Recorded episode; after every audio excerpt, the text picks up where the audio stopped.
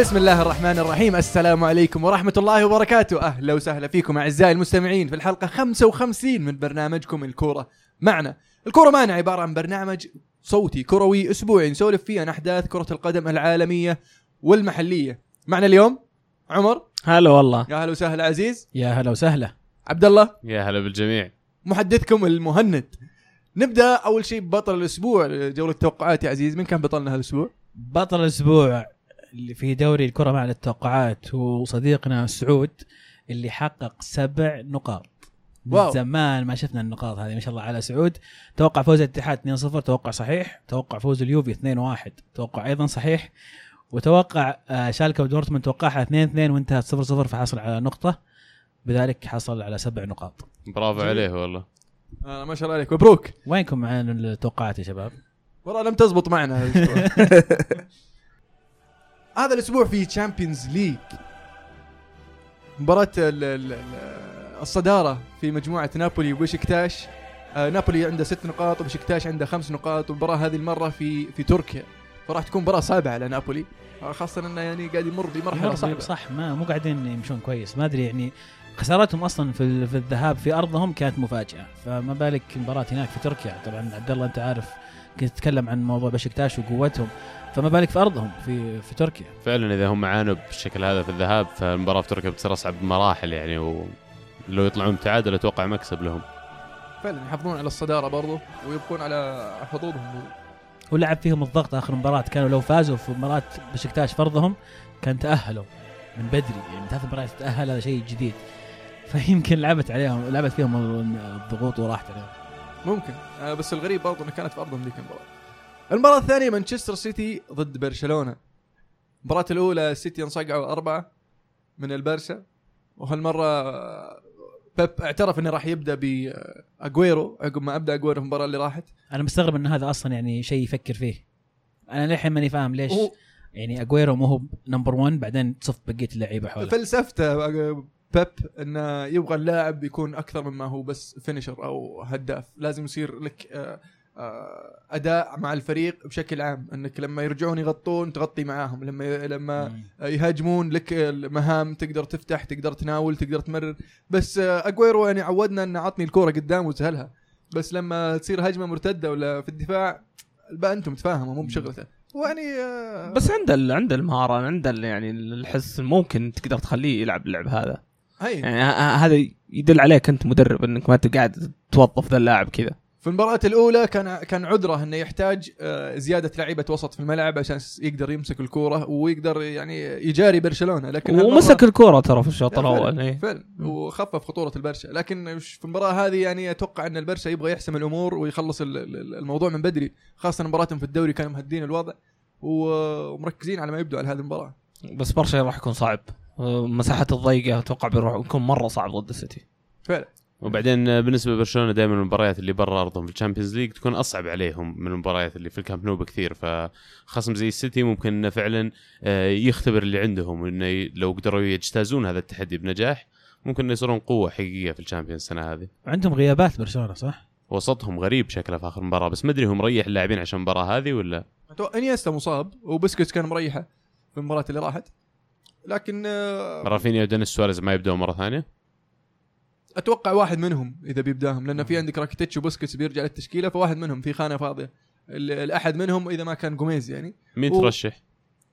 آه أرشح بصراحة رافينيا رافينيا أقرب لل- للعب البرشلوني بما إنه طالع من الفئات السنية وصار له فترة مع الفريق. دينيس توه جاي وبرضه جوميز توه جاي في مباراة صعبة خارج أرضك. أتوقع إنه راح يعتمد بس على دينيس سواريز من الفئات السنية حقت برشلونة بعد ترى. صحيح بس إنه طلع أخذ لفة راح راح السيتي وطلع من السيتي راح آه، فياريال ثم رجع لبرشلونة لكن هذا متدرج مع الفريق وما زال معهم. فتقدر تقول إنه أقرب لل- للفريق. بس ممكن الخيار اللي يعطيك توازن أكثر لو يبدون بجوميز في المباراة هذه عشان التوازن الدفاعي قاعد تلعب أنت برا ملعبك يمكن تبغى واحد يقدم لك مجهود دفاعي أكثر. ممكن ممكن هي؟ تعتمد على شلون بيلعبها عاد انريكي سؤال الدفاع حقهم دفاع الغياب ال- ال- ال- أتوقع عندهم غيابين فقط اللي هو آه، بيكي وألبا آه، شفنا ديني قاعد يلعب في المباريات اللي راحت وقاعد يؤدي أداء طيب يعني مش أتوقع نفس الدفاع راح يلعب اللي هو نعم. روبرتو ماسكرانو متيتي وديني. بالضبط إيه.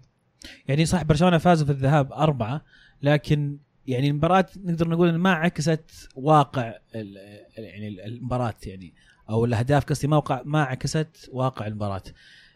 برشلونة استغلوا كل غلطة من دفاع سيتي وسجل فيها هدف. طبعا هذا شيء يحسب لبرشلونة ومهاره مهاجمينه لكن يعني يعني ما اللي يشوف المباراة ما يتوقع إنه والله انتهت بهذا النتيجة الكبيرة. يعني ممكن تنتهي. طبعا برشلونة يستحق الفوز في المباراة هذيك يعني. ما أقول لك. سيتي سيتي يستاهل حتى حتى التعادل ما يستاهل سيتي. لكن أربعة كانت قاسية. فهل تعتقد ممكن يواجهون صعوبة في ملعب السيتي؟ هذا المشكلة لما تلعب ضد برشلونة متوقع إن كل خطأ بيعاقبك الهجوم الثلاثي. مم. هم جايبين ميسي وسواريز ونيمار. عشان كل غلطة واحدة في الدفاع تكلفك هدف.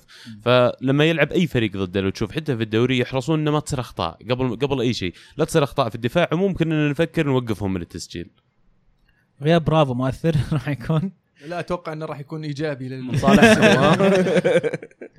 آه، ال- ال- السؤال في مباراه زي كذا ال- ال- السيتي يحتاج حضور جماهيري لكن دائما دائما ما يكون ملعب فاضي خاصة في ليالي ال Champions League هذا شيء شيء عجيب يعني يعني. الأندية تتمنى أن آه، فريقها يلعب أو الجمهور يتمنى أن فريق يلعب في ال Champions League لكن آه، السيتي على ما يبدو انه ما حوله إليك بيحضر جمهور جمهور برشلونة. في المباراة الثانية اللي قد تكون يعني آه، برضو آه، حاسمة للبايرن ضد بي إس في خارج خارج الديار. آه، ال- ال- البايرن ماشي ماشي كويس خسارة واحدة ضد الاتلتي لكن مهمة برضو النقاط هنا لأن الاتلتي ما زال قاعد يمشي ب آه، زي ما قلنا بخطة ثابتة وقاعد يخطف النقاط حتى الآن. آه، بالنسبة ل- آه، للاتلتي حتى الآن.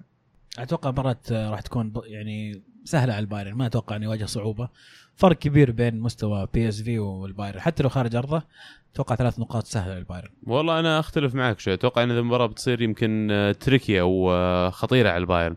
الهولنديين على أرضهم صعبين شوي. جو المباريات حلو بالنسبة للهولنديين في الملعب. ف بي إس في في ملعبه أتوقع إنه ممكن يطلع بنقطة قدام بايرن. أتوقع بيبد بيبدون بي إس في الشوط الأول الشوط الثاني بيتعبون مع الماكينات الألمانية. بيتعبونهم هو مشكلة إن بايرن عندهم يعني آه، 18 لاعب جاهزين ينزلون يحرثون الملعب أكثر من اللي. موجودين كلهم. يعني. طبعا أرسنال بيلعب خارج الديار مع فريق ما أدري شو اسمه. لودوغريتس أكلوا ستة لودوغريتس آه. و- وفي المباراة الثانية في نفس المجموعة اللي هو بازل راح يلعب ضد PSG هذه لو لو يسوي لكم خدمة بازل آه، تضمنون الصدارة نوعا ما. واللودوغريتس ترى أتوقع يبغون يردون الاعتبار بعد هزيمة ستة. هم في ملعبهم كمان جيد الفريق.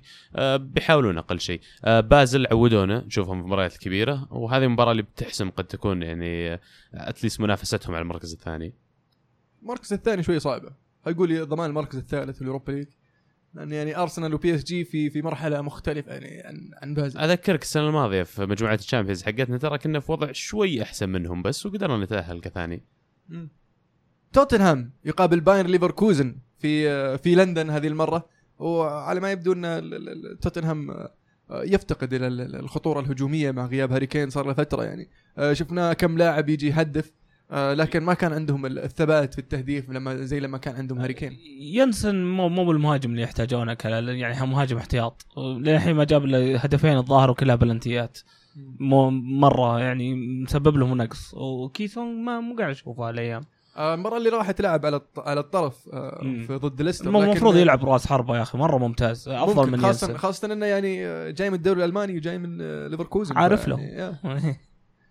دورتموند يلعب ضد سبورتنج آه، في مجموعة ريال مدريد اللي بيلعب خارج ارضه ضد ليجيا وارسو. أتوقع يعني آه، مباراة مدريد يعني آه، شبه واضحة. لكن آه، السؤال في مباراة دورتموند هل ينتفض آه، سبورتنج ولا خلاص راحت عليه؟ سبورتنج كويس في أرضه بس. برا أرضه نادرا شفناه يأدي صراحة. والله ضد ضد الريال أدى أداء طيب صراحة. لكن، صح صح صح آه، صح صحيح. بس أه، ما ما أحسها. ما أدري ليش. ممكن. أه، دورتموند كويسين على أرضهم بي- بيأكلونهم من الألمان. اختلاف المدارس عاد مرة المدرسة البرتغالية والمدرسة الألمانية. في الأساس مختلفة يعني فبيكون جميل اللقاء إنك تشوف المباراة بتكون حلوة. إي فريق يعني الصغير تبع السن دورتموند وفي نفس الوقت سبورتنج أسلوب لعب البرتغاليين البحت يعني. بخصوص ريال مدريد هل لو أنت مكان زيدان مباراة زي كذا خارج أرضك نسبيا سهلة يعني؟ هل تبدأ فيها مثلا بعض الأسماء اللي كانت ما تشارك كثير؟ على سبيل المثال تبدأ بموراتا مثلا تبدأ ب مراته ممتاز بس تبدأ بخامز يعني بدل بنزيما قصدي يعني خامز ولا إسكو تعطيهم فرصة أكثر تسوي تدوير ولا تنزل بالأفضل 11 عندك وتصر على بنزيما أنا أشوف. إنه مرة غلط لا- لازم تض- تضمن النقاط تضمن التأهل الأول بعدين تتفاهم مين اللي ما يلعب مين اللي ما بس حتى لو مد... أنا أشوف مدريد حتى لو نزل بالصف الثاني يعني ما يظل افضل ما افضل واحد. لو حتى لو. اضمن النقاط أول والآن أنا مشكلة. مدريد ثاني فرق النقاط يعني عن دورتموند فرق الأهداف عن دورتموند. فما يقدرون إلى حد ما إنهم يستهبلون في المباريات. ممكن إنه يسوي شوي تدوير يلعب اللاعبين اللي تعودوا يلعبون في الفريق مثل اسنسيو و آه، موراتا. لكن ما ودك يشطح إنه يلعب مثلا ستة وسبعة لاعبين ما يلعبون العادة مثل كوفاسيتش و... جميل. في المباراة الأهم في هذا الأسبوع في ال Champions League كوبنهاجن ضد ليستر. مباراة الصدارة والتأهل بالنسبة لليستر إذا إذا ما فاز على آه، كوبنهاجن. وقد يختم قد يخدم تعثر بورتو اللي بيلعب ضد كلوب بروج. لكن كلوب بروج في هذه السنة الصراحة نوعا ما سيء. أو أكثر من سيء. ليستر واضح. ليستر واضح الهدف عندهم يعني. حتى يعني مباراة توتنهام يعني أنا توقعت يخسرون. راح نجيها بعد شوي لكن التركيز على ال Champions راح يحسمونها الجولة هذه. واضحة. والله نقول إن شاء الله. حريصين مرة يبغون يخلصون أول عشان يعطيهم بعد فرصة إنه يوصلون quarter final ممكن إذا جاهم قرعة حلوة في دور 16 فعلا. يوفي يلعب في أرضه ضد ليون في هذه المباراة. راح تشهد آه، غياب آه، ليمينا برضو صح؟ هو ينطرد؟ مطرود إيه مطرود آخر مباراة. لكن عودة ماركيزو يا أخي يا أخي ماركيزو يا أخي. يا أخي أنا مرة مبسوط أكثر من أي شيء ثاني. رجعت ماركيزو الفريق تغير بشكل يعني كل ما يلعب ماركيزو تشوف شيء ثاني ف ما يهم غياب لمينا. صح إنه لاعب كويس لكن يعني وجود ماركيزو شيء جيد ومباراة ما هي أيضا في أرضك وما هي مرة قوية إنك تخ- تخاف تبدأ في ماركيزو فممكن تبدأ فيه ويكون يعني وجوده كويس. مهم نجيب ثلاث نقاط لأن إشبيليا قاعد يفوز واليوفي قاعد يفوز ماشيين مع بعض فلازم تحاول تسرق الصدارة على أمل إن إشبيليا يتعثر. هل بتجلدونهم ولا يعني تعلمتوا من المباراة اللي راحت وقدمتوا راح تقدمون احترام شوف- أكبر شوف يعني هالمرة؟ الأسبوع المباراة الماضية لعبنا بعشر لعيبة وأعطيناهم بلنتي وفزنا. يعني أتوقع يعتبر جلد هذا ولا؟ عجبتني أعطيناهم بلنتي. لا بس آه، ما أتوقع في جلد. مباريات Champions دائما مباريات صعبة واليوفي مو من نوع الفرق اللي يعني يبحث عن الأهداف الخمسة والستة. لا اليوفي يعني إذا ضمن الفوز يهدي اللعب ويفكر في المباراة الجاية. فأي فوز يكون كويس يعني. جميل. في الليغا ديبورتيفو ألافيس يخسر واحد أربعة من ريال مدريد. التهديف بثلاثية. هاتريك. هذا هذا اللعيبة اللي إذا غابوا عن التهديف يرجعون بهاتريك. ما يسويها إلا رونالدو وميسي والسومة. خليني أبدأ بس بالإيجابيات اللي شفتها في مدريد قبل. آه سجلوا أربع أهداف عودة رونالدو زي ما قلت بالهاتريك شيء مرة إيجابي بالنسبة لمدريد. آه بلنتيات رونالدو ما عجبتني. الأول صح إنه سجل الهدف لكن ترى البلنتي سهل لو نقز الحارس ذيك الجهة جابه وبان في الثاني كمان. الثاني حتى لما نفذ البلنتي ما تحس إن رونالدو هو نفسه اللي يعلق الكوره في التسعين ما يهم الحارس وين يروح. يعني ما أشوف انه لازم يكون بلنتي رائع. لا بس كتعليق إن عندهم ناس يشوتون بلنتيات أكيد أفضل من كذا. رونالدو مو مختص بلنتيات حقه؟ هو ولا دائما هذا الفكرة. عط فرصة غيرك اذا إنك مثلا حسيت مستواك والبلنتيات نزل شوي عط فرصة لغيرك ضيع؟ ضيع واحد إيه. سجل واحد وضيع واحد. والأول كان سهل مرة يعني حتى تنفيذه مو بال الناس اللي يسجلون بلنتيات يجي على بالي بالوتيلي وغيره. وهدف ألفيز الأول حلو الصراحة مرة من الحارس. الفيز sorry. آه، من الحارس لمسة إلى المهاجم لمسة إلى انفراده جول يعني غريب. مدريد مقنع؟ ولا لسه تحس إنه مو مرة؟ صراحة صعب إني أحكم ويزعلون بعدين علي جماهير مدريد وبرشلونة لأن معليش إحنا نقسو عليهم مرات في الانتقاد يعني لازم يقول ماي راند إحنا نقسو عليهم بعض الأحيان لأن يبيعون حقوق التلفزيون حقتهم بشكل منفصل. فصار الدوري حقهم غير عادل يعني. فريق مثل إيبار ولا فريق مثل ألافيز شباب ممتازين كذا بس ناقصهم شوية فلوس يكملون اللي ناقص لهم ويحتفظون بلاعبينهم يعني. لاس بالماس مثلا. لا لاس بالماس بالضبط. هذا هذول مثل أمثلة على أندية. فرق ال- الميزانية بينهم وبينهم فلكي. ما غير معقول إنك تلعب ضد هذه الانديه ثم تقول قيمني كيف لعبت قدامهم. لو أنت ما تفوز في كل مباراة 6 7 معناته أنت قاعد تزبل. مدريد وبرشلونة الحين كل ما طقت براسهم واحد يصرف لك 100 مليون على لاعب عشان يغير شكل الخطة بس والثاني يصرف مبلغ الناس ما يعرفون عنه للآن وصل فوق ال 80 مليون ولسه counting على والله طقت في راسه مهاجم. انديه ثانية تطلع لك just to survive يبيعون اللاعبين حقينهم ولا يقدرون يجددون معاهم. نادي مثل أتلتي مثلا طلع من بين هذه الأندية صح ما عنده نفس الإمكانيات لكن موجود في مدريد صلحت له الفرصة شوي انه سنحت له الفرصه في تعداد سكان في يعني متابعة أكبر شوي من الأندية الأخرى. لكن لو إدارتهم مو ممتازة لو إنهم مو قاعدين يديرون ال- القوائم حقتهم بالطريقة الحالية ما راح يقدرون يكملون يعني. وواقعيا سنتين ثلاثة بينافسون بس على مدى خمس ست سبع سنين إيش يتوقعون؟ مدريد وبرشلونه لما يلعبون في دوري زي كذا. لكن على ما يبدو إن هذا النظام راح راح ينتهي قريبا وراح يبدأ توزيع ال- ال- الحقوق بالتساوي وبال يعني بالأحقية على ما زي زي مثلا الدوري الإنجليزي.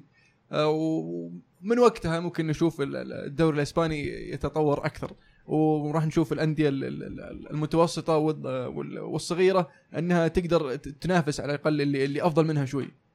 فهمت علي؟ زي ما قاعد- الحين قاعدين نشوف الدوري الإنجليزي. بالضبط هذه الفكرة. ما تقدر تتوقع نادي 10 مليون يجي في السنة بمدريد ولا برشلونة؟ أنا ممكن أختلف معك في بعض النقاط يا عبد الله إن إذا أنا فريق كبير وجماهيري وناجح بذلك تجيني فلوس أكثر من غيري وعندي القدرة إني أبيع مبارياتي بشكل مستقل زي ما قلت. مو مو من حقك تطالبني اني كل مرة تفوز 6 7 لا أنا هذا الشيء أنا سويته بنفسي وأنا بنيته وأنا قويت نفسي. فعادي خلاص أنا عندي كياني وعندي اسمي وعندي قوتي في في السوق. فبمجرد إني ما فزت خمسة أو ستة تقول أنا قاعد ازبل لا بالعكس هذا أشوف إنه في ظلم وقاعد تطلب أكثر من من المعقول يعني. ما في فريق في العالم يقدر يفوز كل مبارياته فما بالك يفوز 6 7 فانا أشوف إنه أوكي أنا أفهم وجهة نظرك إنه في يعني ممكن نقصوا عليهم لأنك تتوقع منهم أكثر من غيرهم. لكن ما تقدر ما أنا ضد إنك تلوم فريق على شيء يجيه بسبب تاريخه ونجاحه وقوته. بالعكس اللي يجيه شيء يستاهل. لا بس مانشستر يونايتد لو باعوها لحالهم كم بيجيبون؟ بسبب تاريخه ونجاحه وقوته بسبب نفوذه وقدرته في في, في الاتحاد نفسه. لا لا لا. لا مدريد, مدريد. لحظة نختلف هل تختلف معي إن مدريد إذا مو انجح فهو من أنجح الأندية في العالم أنجح نادي طيب بس ليش. ليش ليش ياخذ 140 وال وال وهو. برشلونة والباقيين ياخذون على أك أكثر واحد بعدهم ياخذ 40 فرق 100 مليون شوف أنا ما عندي تفاصيل كيف توزع فلوس لكن على كلام عبد. الله على كلام عبد الله إن الفلوس توزع هم يروحون بنفسهم وي- ويطلبون لا لا لا برشلونة وريال مدريد يطلبون فلوس إن استق- بطريقه مستقلة مو زي الأندية الباقية هذا اللي فهمته فإذا هم عندهم القدرة يقول لا شكرا الاتحاد الاسباني ما نبغى ما ابغاك أنت تعطينا إحنا بنفسنا بنسوق مبارياتنا. خلاص يا أخي هذا عندهم هم عندهم قدرة. أنا ما أختلف معاك بس يسوي فرق كبير. لو مانشستر يونايتد قرر بكرة بيبيع حقوق الحالة بيجيه أكثر بكثير من اللي قاعد يجيه ليه الحين. ما يسويها؟ لكن لأنه هو يمثل وحدة يمثل دوري كامل منافسة كاملة في الدوري. لو أنا ارتقيت لحالي ووصلت مستوى عالي وغيري قاعدين ورا ما راح ما راح اتطور يعني. يونايتد ما يبغى يسوي كذا؟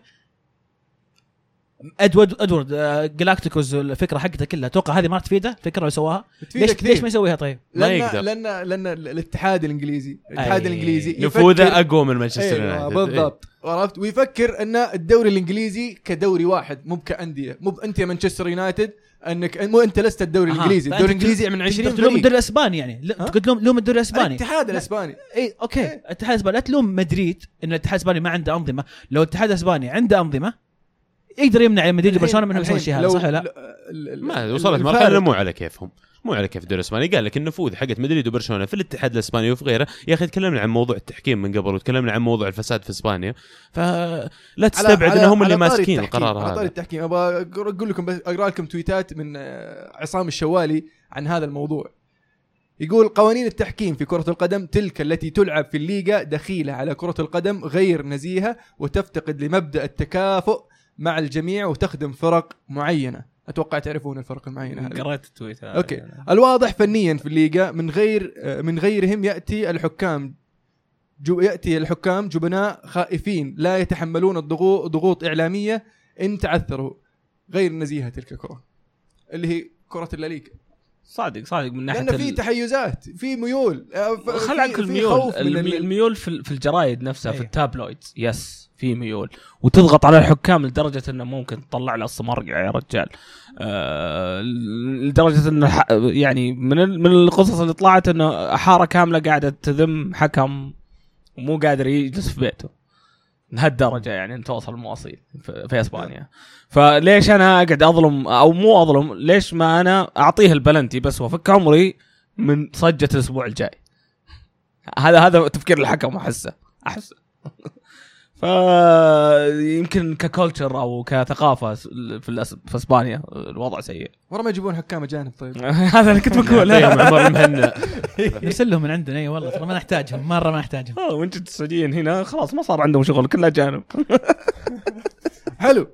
عودا إلى موضوع ريال مدريد. آه عندنا هشام العتيق يقول خذوا بنزيما يا عبد الله ببلاش والله راضين. الآدمي ما سجل ولا صنع هدف في أي نهائي. يسجل في الكلاسيكو ويهبل بك شهرين بعده. بعدين حط صورة مضحكة لبنزيما اللي وده يشوفه يدخل على الهاشتاج ويتفرج. يقول أنشيلوتي جالس آه أنشيلوتي جامل كازياس ولعبه أساسي وفي الأخير سحبه معاه برا النادي. والحين زيدان جالس يعاقب موراتا على حساب الظاهرة بنزيما.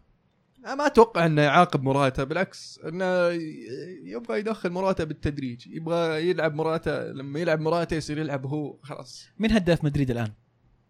مو هو رونالدو مع الاسف موراتا. كيف ما تلعب أكثر لاعب يسجل لك أهداف أساسي؟ عشان يدخل الشوط الثاني ويسجل هدف الفوز الدقيقه 95 بس لو أحمد الله يهديه خلانا نتفرج آخر المباراه كان شفناه. حطها باحمد اللي نشبنا الله يهديه التاكسي. مرات ال- الواحد بعد آه، لما يقيم لاعب يقيمه على مدى فترة قصيرة. أنا أتوقع كل لاعب يجيه فترة ينزل مستواه. وبنزيما يمكن هذه الفترة قاعد يمر فيها. يمكن زي ما تفضلت إنه جيبة موراتا المفروض هي الآن إنه ينزل مكان بنزيما إذا نزل مستواه على أساس إنه يحفزه كمان إنه يرجع للعب اللي كان يسويه. فأنا أتوقع ناخذه ببلاش ليش لا؟ صفقة ممتازة. أي ما أتوقع. أحد ب... ما أتوقع في أحد بيخليكم تأخذونه ببلاش. من يعني. بيصفون سلع وبعدين عزيز أنتم تسوون نفس آه، النظام في يوفي. اللي هو؟ اللاعبين الصغار ما تلعبونهم على طول حتى لو إنه فنان حتى حتى هيجوين يا رجل وش صغار؟ ما لعبته على طول سحبت عليه. إيه بس لما يبدأ يسجل زي كذا خلاص. هي- ديبالا أول ما بدأ يسجل وهذا يبقى أساسي. بعدين ما كان عندنا واحد عله زي بنزيما. جميل. الأتلتي يفوز 4-2 على ملقا في مباراة شهد انتفاضة الاتلتي الأتلتي بعد خسارة ال- ال- إشبيليا في في في الجولة السابقة. ولكن ال- ال- ال- كراسكو. فعلا يا أخي كراسكو. يا أخي. قاعد يستهبل إيش قاعد يسوي ذا؟ فنسينا منه جريزمان. يا شيء جميل إنه إيه خفف إيه عنا إيه. الحمل. لا بس ال- قاعد يستهبل. كم له كم مباراة هدف assist assist هدف هدفين. يعني فعلا فعلا on fire الولد الولد فنان من زمان أصلا من أيام موناكو. من موناكو يا. بس الموسم الماضي ما كان يعني مرة يعني يعني ما كان مبدع مرة مع الفريق. خذ له موسم يتأقلم. خذ له موسم يتأقلم. الموسم هذا انفجر. أتلتيكو خطير يعني. تخيل لو كراسكو on form جريزمان form وجراميرو يستمر يسجل. ثلاثي خطير مع بعض. وحالاته بعد كراسكو لعب مباريات كبيرة ترى في كل المباريات الكبيرة تقريبا مستواه أفضل من المباريات. الصغيرة ويستمتع في ال- في ال role هذا اللي قاعدين يلعبونه كنجم الفريق يعني وعشان كذا قد يكون قاعد يجيهم المردود هذا أنا توقعت بدايه الموسم إن أتلتيكو ياخذ الدوري ما حد فيكم اتفق معي وقتها لكن هل ممكن؟ قادر. صدقني مباراته مع الريال قريبة ونشوف يا رجال برشلونة قوي يا رجال كلهم برشلونة كلهم- مرة كلهم- قوي يا أخي. برشلونة ومدريد كلهم أقوياء ومن زمان أقوياء لكن أتلتيكو في السنة من السنوات قدر ياخذ الدوري رغم إنهم كانوا أقوياء. بس هذا اللي نرجع له ما. راح يقدرون يسوونه باستمرار. أي أنا أتوقع برشلونة بياخذ الدوري بالراحة السنة هذه. بالراحة؟ لا بالراحة. أنا أشوف. أنا أتوقع بالراحة. الدوري الأسباني ما ما عمره صار بالراحة. أه تشوف أه نوصل للدور 16 وال Champions ووقتها برشلونة بيكون محلق. يا رجال ميسي سواريز نيمار الثلاثي قدام هذا حرام يصير في نادي. too much ترى. والله too much على نادي واحد يا أخي. مرة أي مرة. واحد منهم يقوم نادي كامل. على طاري برشلونة برشلونة يفوز 1-0 على غرناطة متذيل الترتيب. فوز يعني آه، مهدين اللعب برشلونة. فوز ايطالي خلينا نقول فوز ايطالي إيه، واجهوا بعض ورانا الصعوبات، Champions لكن- خلينا نروق. نفوز 1-0 ونهدي. لكن واضح إن عندهم تفكير عن في المباراة الجاية خاصة إن كانوا يلعبون في أرضهم يعني ضد غرناطة متذيل الترتيب توقعت نتيجة كبيرة عريضة. لكن آه، كان يفكر في المباراة اللي بعدها عنده مباراة Champions League ثم ال- ال- ال- ال- التركيز على صدارة المجموعة برضو ضد, الفريق اللي ينافسه في المجموعة. النتيجة ما تمثل. غرناطة داخلين المباراة أصلا 5 4 1 قاعد يلعبون. تسع لاعبين جوا المنطقة. برشلونة لازم يعطيهم إنه أفضل فريق فعلا لما يتقدم يضغط الخصم. في منطقة الجزاء ما في ولا فريق في العالم يسويها زيهم. تلاقي ثمان تسع لاعبين من عندهم في الثلث الأخير من الملعب. تلاقي ستة منهم جوا منطقة جزاء الفريق اللي ضدهم. ولولا ال finishing حق نيمار خانه في المباراة هذه شوي. وكمان يمكن أوتشو شوي كان مركز في المباراة. ولا كان ما انتهت 1-0 بعد حلقة الأسبوع الماضي جتنا بعض ال- ال- الردود بخصوص يعني انتقادنا لبرشلونة. إنه البعض شاف إن انتقادنا كان قاسي بعض الشيء. أنا قد أتفق مع البعض اللي قال أو في واحد من اللي كتب قال إنه إنه مباراة برشلونة والسيتي فاز فيها برشلونة أربعة. ما تطرقنا لبرشلونه قد ما تطرقنا للسيتي. بالعكس يعني مرة قللنا في هذه النقطة. وأنا أتفق معك وقد يكون هذا يعني آه، قد يكون أخطأنا في هذه الناحية إنه قللنا من آه، من الكلام عن برشلونة. لكن لما وجهة نظري هذه إنه لما يكون في فريق ماشي صح وقاعد يفوز أربعة وخمسة وستة معناته أن كل شيء عندهم ممتاز وما عندهم مشاكل. فمهما تبي تتكلم عن الفريق هذا الكلام عنهم راح يكون بالكثير دقيقتين ثلاث دقائق وبعدين خلاص وش بتكرر كلامك تصير. بالضبط ما عاد في شيء. لما يكون في فريق كبير وعنده مشاكل راح يكون في مجال للنقاش أكثر. لأن أنا وأنت مثلا ما نتفق على إيش سبب المشكلة. وأنا وفلان ما نتفق على كيف حل المشكلة. ونرجع ونعيد ونتناقش. ففي مجال أكثر للحديث. فعشان كذا أنا أشوف إن نقاشنا عن برشلونة والسيتي تطرقنا أكثر للسيتي من تطرقنا لبرشلونة. أما بخصوص مباراة برشلونة وفالنسيا فموضوع التحكيم سحبنا شوي عن خلافنا عن وجهة نظر بين الأهداف صحيحة وغير صحيحة أيضا سحبنا عن آه، فوز برشلونة. النقطة الثانية اللي اللي أيضا يعني جاء عليها تعليق إنه انتقادنا لشيء صار في مباراة برشلونة أو انتقادنا لبرشلونة ما له أي علاقة بتمجيد فريق آخر ولا يعني أننا نحب فريق آخر. يعني مثلا كريال مدريد. زي مثلا إذا انتقدت أنا ميسي مو معناته إني أنا أشوف إن رونالدو أفضل لاعب في العالم. الموضوع أكبر من كذا. أنا أتكلم عن برشلونة مثلا اليوم لأن في شيء في برشلونة. الكثير هاجمك يا المهند بانك عن برشلونة بقسوة الأسبوع الماضي واتهم اتهمك إنك مثلا تحب مدريد أو أو إلى ما إلى ذلك. أطلب من أي واحد حس بالشيء هذا يرجع للحلقة الأخيرة من الموسم الماضي حلقة ال Champions League اللي فاز فيها ريال مدريد ويسمع الحلقة ويشوف التعليقات عليها. الجميع هاجم المهند لأنه انتقد مدريد بقسوة واتهم انه يحب برشلونة. الموضوع أنا كأعتقد أنا يعني أعتقد أن المهند صريح ويعطيها يعني زي ما يشوفه ما عنده أي لف ودوران فإذا عنده شيء ما عجبه فريق بينتقده بكل صراحة. وأعتقد لو هو مو مانشستراوي كان زعلوا عليه جمهور مانشستر لأنه ينتقد مانشستر كثير وبقسوة أيضا. فارجع وأقول إنه الموضوع ما هو شخصي ابدا ولما إحنا نقول رأينا ترى رأينا كرأي واحد يتابع كورة لا إحنا خبراء ولا إحنا يعني محللين كبار ولا أي شيء إحنا ناس نحب الكورة ونتابع الكورة فلما نقول رأينا هذا اللي نشوفه. يحتمل الصواب يحتمل الخطأ.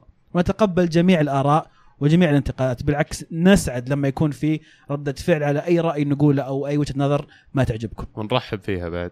أضيف شيء بس كل ما قللنا الكلام عن فريقك كل ما ممكن فريقك ماشي صح؟ تقدر بالضبط تقول؟ أكبر مثال بايرن. بالضبط. بايرن صعب إنك تنتقده صعب تتكلم عنه لأنه يعني غالبا ما يكون ماشي صح. اللهم في نصف النهائي Champions League هو اللي يكثر كلام عنهم. ليش تعثروا؟ وصار لأن هناك تبدأ الأمور صعبه عليهم. غير كذا مكسر الدنيا بايرن يكون. لا وزي ما قال عزيز إحنا لما ننتقد أي نادي أو نتكلم عنه هو بغض النظر عن جميع الأندية الأخرى بغض النظر عن جميع الأحداث الأخرى اللي قاعد تصير إحنا نتكلم عن نادي معين بحدث معين في مباراة معينة. فابدا يعني ما في أي داعي إن نت- نتحيز لأحد أو نتعصب لأحد لأن مو بهذا هدف البرنامج أصلا. فعلا وعالم كرة القدم أكبر من ريال مدريد وبرشلونة. لما أنتقد مدريد مو بيعني إني برشلونة لما أنتقد برشلونة مو بيعني إني مدريدي. أنا عن نفسي أنا أنا ما أحب الفريقين بكبرهم. واثنينهم مع بعض يعني. وغير ذلك ان لما لما أنتقد أي فريق آه، لا يعني إني أنتمي للفريق المنافس له. ف تقبل الانتقاد وزي ما أنا تقبلت انتقادكم يعني في الفترة الماضية. وسمعني رأيك قل له بالضبط. وما زلت مقتنع إن كريستيانو رونالدو أفضل من ميسي. ما تقدر تغير رأيي. صدقوني حاولت. ما تقدر ما تقدر. حاولنا نقنعه بس الرجال مصر. أنا بالنسبة لي ترى يعني أختلف معك. حتى أنا. رأيك. ما ما ما بس أنا ما ودي نوضح إن. البرنامج فيه اختلاف لا. نفسه عرفت؟ إحنا عندنا اختلافات داخلية. أصلا صعب إنك يعني تقرر لكن لا واضحة مرة. أصلا أحسن لاعب في العالم بوفون. لورد بنتنر ميسي رونالدو.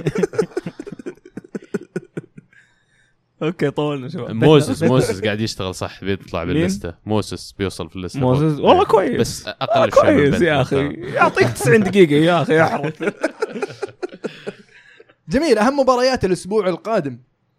ريال سوسيداد ضد أتلتيكو مدريد. اشبيليا ضد برشلونة في مباراة صعبة. خاصة إن اشبيليا تعادل في الأسبوع هذا الأسبوع الماضي وكان على ما يبدو مركز في مباراه على مباراة ال Champions League. حرام طيروها كان ممكن يصيرون ثاني.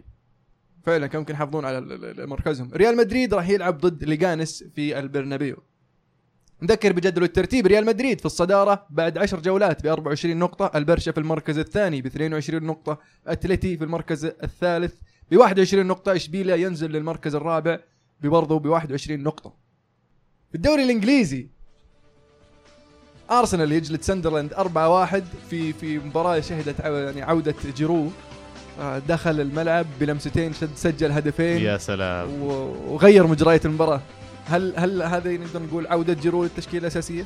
والله متوقعين العالم من أول انه إذا رجع جيرو آه إيوبي بيريح شوي. عطى قدم خلال الفترة الماضية أداء مرة طيب إيوبي لكن كلاعب صغير ضروري إنك تعلم إنك دائم لازم تتحسن. ما ينفع إنك تقعد على مستواك فرجعت لاعب مثل جيرو بيعطي كمان مساحة لسانشيز إنه يرجع اليسار ويعطيه آه، دور أكثر حر وفعال في الملعب. من كونه بس راس حربة. اللي عجبني كثير هدف سانشيز الأول تطوره كبير يعني في مستوى آه، اداءه كراس حربة. الهدف اللي سجله يعني هدف رقم تسعة مو كأنه جناح قاعد يلعب في هذا المركز. ونجحت تجربة سانشيز حقت striker لكن الآن جاء فترة يرجع جيرو. يمكن نرجع نشوف سانشيز كمهاجم وإيوبي يرجع للتشكيلة في المباريات الكبيرة. اليونايتد تعادل 0-0 ضد بيرنلي في مباراة يعني أبدع فيها ال- ال- عيالنا. أبدعوا فيها. مايكل كين المدافع والحارس برضو آه توم هيتن.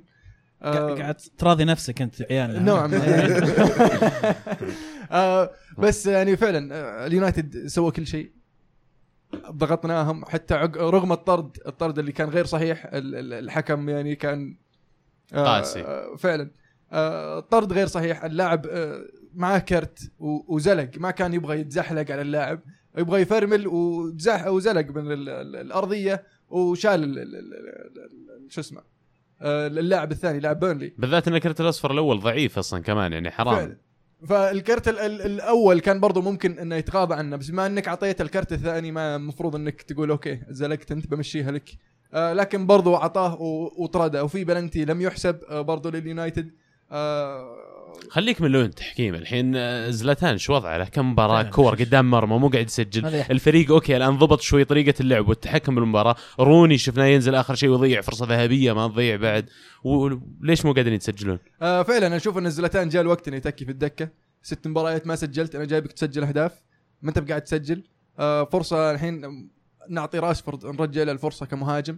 آه على الجناح آه عارف إنه لاعب كويس ما تبغى تخليه على الدكة فتعطيه فرصة على الجناح. الحين مهاجمك مو قاعد يسجل فرجع رجع راشفورد مهاجم آه عطى الفرصة إنه يلعب مهاجم. آه دخل لك آه إن شاء الله مرتين في المباراة الجاية راح يرجع. آه ما أتوقع في في, ال في اليوروبا ليج لكن ممكن في في الدوري. ومختاريان مو بأحد الحلول اللي ممكن يرجع لها مورينيو لأن لا ما لعبه. آه فعلا لعبه كم يعني ما مباراة. لعب أساسي.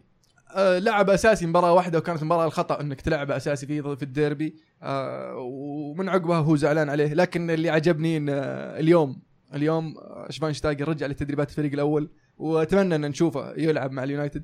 آه برضو يعني ال- نرجع لموضوع زلاتان آه زلاتان أدى أداءات كويسة في في بعض المباريات خاصة مباراة ال League Cup. الشوط الأول كان سيء الشوط الثاني دخل ب برغبة أكبر وشفناه كان خطر أكبر أكثر وقدر يص- يصنع الهدف. لكن في المباراة الثانية يعني مباراة بيرنلي كان المفروض انه ساحب زلتان في هذيك المباراة لأن زلتان واضح أنه ما كان ما كان يعني آه، قاعد يأدي ما هو قاعد يتحسن برضه في المباراة. اللاعب عمره 35 سنة وقاعد تضغط عليه مباريات كثير. فرصة أنك تسحبه وتدخل آه، لاعب ثاني آه، نشط أكثر. طيب هل تشوف إنه مورينيو قادر إنه يحط زلاتان على الدكة؟ ه- مو ق- هذا سؤالي بس مو يحط على الدكة. هل يقدر يسحبه وسط مباراه؟ يعني كانوا الناس يتكلمون أول إنه في لعيبة مثلا فوق إنهم يطلعون وزلاتان كان منهم في بي اس جي هل أخذ نفس الوضعية في يونايتد؟ إنه صعب إنك تطلعه مثلا في دقيقة 70 أنا ما ما أشوف إن الموضوع صعب جدا لأن زلاتان يعني مهب مهب في في والله في عز عطائه والله يقول لك لا ممكن يسوي لا بس شيء. شفنا معلش شفنا رونالدو مثلا وميسي. كان اول يقول رونالدو وميسي وزلاتان أضيف عليهم أيام بي اس جي صعب إنك تطلعهم دقيقة 70 لأنه هذا النوع من اللعيبة اللي في أي لحظة في أي هجمة من ولا شيء يحسم لك المباراة. أتفق معك. شفت؟ أنا اللي أقول لك اياه إنه زلاتان ما عندهم زلاتان اللي تعودنا عليه. آه، الرجال شيب يعني عمره 35 35 سنة. اي يعني. اي خاصة انك ملعبه برضه ثلاث مباريات متتالية. آه ف... وفي مباراة زي كذا ما شفت إنه قاعد يأدي المفروض إنك ساحبه. الحين المفروض إنك تفكر في المباراة الجاية إنه ما يلعب أساسي. ف وفعلا يعني زلاتان ما هو بأكبر من النادي. ولا هو يعني في أفضل عطاءاته عشان والله لما أسحبه يقول لي لا ليش سحبتني وهذا يرجع الموضوع لمورينيو إنه كيف يتحكم بالموضوع لازم لاعب كبير زي كذا زي ما قلت إنه مو في قمة عطائه مو في أوج عطائه استخدمه بشكل ذكي لا تلعبه ثلاث مباريات في الأسبوع. شوف المباريات اللي أنت فعلا محتاج له المباريات اللي تقدر تلعب فيها راشفورد ومارتيال وغيره. زي مباراة ال League Cup يعني ما لها داعي تلعبه في ال League Cup. صح انها ضد السيتي لكن فرصة إنك تلعب راشفورد مهاجم. ليش تلعب لي إياه وعندك مباراة في الدوري؟ بالنسبة لي الدوري أهم. أنا أبغى أفوز ضد بيرنلي لكن لو خسرت ضد سيتي في, ال- في ال league cup ما همني. يرجع اللي- لأفلاس مورينيو. إيه ف طيب آه لي مونستر يقول هل مورينيو راح ينفصل؟ وإذا إيه مين فاضي ياخذ مكانه؟ وش رأيكم في رجعة شفايني؟ آه رجعة شفايني شيء شيء عظيم بالنسبة لي. أنا أقدر اللاعب وأتمنى إنه يرجع للفريق الأول. ومورينيو أتوقع إنه إذا وصلنا لمرحلة وضمننا إنه ما راح نكون من ال top four. ولا بدنا بننافس على Europa League ولا ممكن نوصل نفوز باللقب ونتأهل لل Champions League فأتوقع إنه ممكن ممكن قبل نهاية الموسم ممكن ينفصل مورينيو. يا إذا ضمننا إنه ما راح نف... ما راح نفوز يعني. زي ما صار في لكن زي اللي زي. فان خال الموسم الماضي مم. آه، كلنا عارفين إنه راح يقال عرفت؟ بس مخلينا على أساس نهائي ال FA Cup عشان الشرط الجزائي أصلاً. عشان نهائي ال FA Cup برضه كان في نهائي. اذا اذا إذا مرينا في نفس الحالة هذه أتوقع يقعد لنهاية الموسم. لكن إذا صار له زي مويز طلع من كل شيء وضمن المركز السابع وشو له قعدك فلكن حتى لو أنا ضد إنك تقيل مدرب في وسط الموسم خليه يخلص الموسم حتى ما دام انه حاقها خليه يخلص الموسم ويمشي. يعني إذا باقي مباراة واحدة يعني على المباراه هذه اللي بتبدا شفنا دونيس الموسم اللي راح. تشيلسي الوحيدين اللي كان بيهبطهم فكان لازم يقيلونه يعني. آه، كان الوضع مرة سيء. إيه، يعني ما ي- ما يستحمل لنهايه الموسم آه، الوضع. نعم أبراموفيتش وقتها. أتوقع حتى مورينيو أنعم وقتها. أيضا في آه، أسئلة سؤال آخر على اليونايتد. طبعا اليونايتد حديث الشارع حاليا. طلال يقول الدوري الإنجليزي إلى الآن ممتع ومثير. ثلاثة متصدرين بنفس النقاط والفرق بين الأندية قريب لكن يونايتد لازم يلقون حل مع مورينيو. أنا أقول حل لمورينيو مو مع مورينيو. لا حل له يعني يصرفونه قصدي أو لا إنه هو حل- سبب المشكلة مورينيو. آه okay. أنا أنا أصلا كنت ضد تعيينه من الأساس إذا تذكرون في الحلقات إيه إيه. الماضية. بعدين يقول أتوقع إبراهيموفيتش سعيد ماليا في اليونايتد ولكن فنيا وحال الفريق مخيب للآمال إلى الآن. بعدين يضيف أيضا وش رأيكم في بالوتيلي مع نيس؟ أي. لاعب أي لاعب مبسوط ماليا في مانشستر. بس لازم أقولها. إلا دي ماريا. مو ماليا؟ بس يعني لا كان لا، زعلان مبسوط كان مالياً. ماديا أي لاعب في مانشستر مبسوط ماديا. لوك شو ياخذ 160 ألف في أسبوع 120 الظاهر. 120 آه، متأكد منها. هو يوم وقعوا. معاه 160 وفابريقاس كان ياخذ 156 أول ما وقعنا معه. عمره 18 سنة. إيه لاحظ الفرق. لكن لاحظ طلال سأل عن إبراهيموفيتش وقال أو تكلم عن إبراهيموفيتش وقال إنه يعني ما هو بكويس. بعدين نفس نفس التغريدة قال إبراهيم قال بالوتيلي ترى مسوي كويس مع نيس ومتصدر. يمكن قصده حان الوقت يتعاقدون مع بالوتيلي. واضحة مرة واضحة. واضحة يعني. يعني في مهاجمين أحسن منهم اثنينهم يعني. آه والله بالوتيلي ما عليك الحين ترى مولع. يا رجال. خله يولع في الدوري الفرنسي. هذا زلاتان الموسم راح كان مولع برضه في الدوري الفرنسي مسجل مدري ص- صغير 50 هدف في صغير هذا. ما عليك صغير. أوستن مع وست هام أبرك منه مع يا ليفربول. رجال. معليش. مو بناقصين مهاجمين يا أخي قاعد يلعب لك مارسيال وراشفورد على الجناح. يعني ما أدري إيش قاعدين تسوون الصراحة. وبعدين يقول لي ليش مهزوم؟ ولا ليش ما افوز آه، لا- لا- اللي اللي يستحق اللي يستحق يذكر في المباراتين الأخيرة باليونايتد ضد السيتي لعبنا بثلاث أظهرة يسار في الدفاع وجناح يمين ضد في الدوري لعبنا ثلاث أض... ثلاث أظهرة يسار وظهير يمين. هذا يدلك على قوة خط الدفاع حق اليونايتد يعني. آه. روخو بلند. ولوك شو. لوك شو اي المباراة الأولى فالنسيا ظهير يمين والمباراة الثانية درميان ظهير يمين. أوه مبروك بده يرجع درميان ها؟ والله مسوي عملية آه، فالنسيا. ولا كان ما والله. مو على كيف هذا شيء مخيب فعلا. شكله. حاول في بلند بعد وما رضى يلعب يمين. قال خلاص ينفذ ينف يبغى كم مركز. وأخاف حاول في راشفورد خل عنك بس. توتنهام يتعادل واحد واحد مع ليستر في المباراة اللي كنت تقول أتكلم عنها قبل شوي. مباراة يعني توقعت المفاجأة لكن توقعتها أكبر من كذا. توقعت إن آه، ليستر هالمرة آه، يعثر يعني آه، توتنهام. والله أنا عكسك أنا توقعت توتنهام يفوز.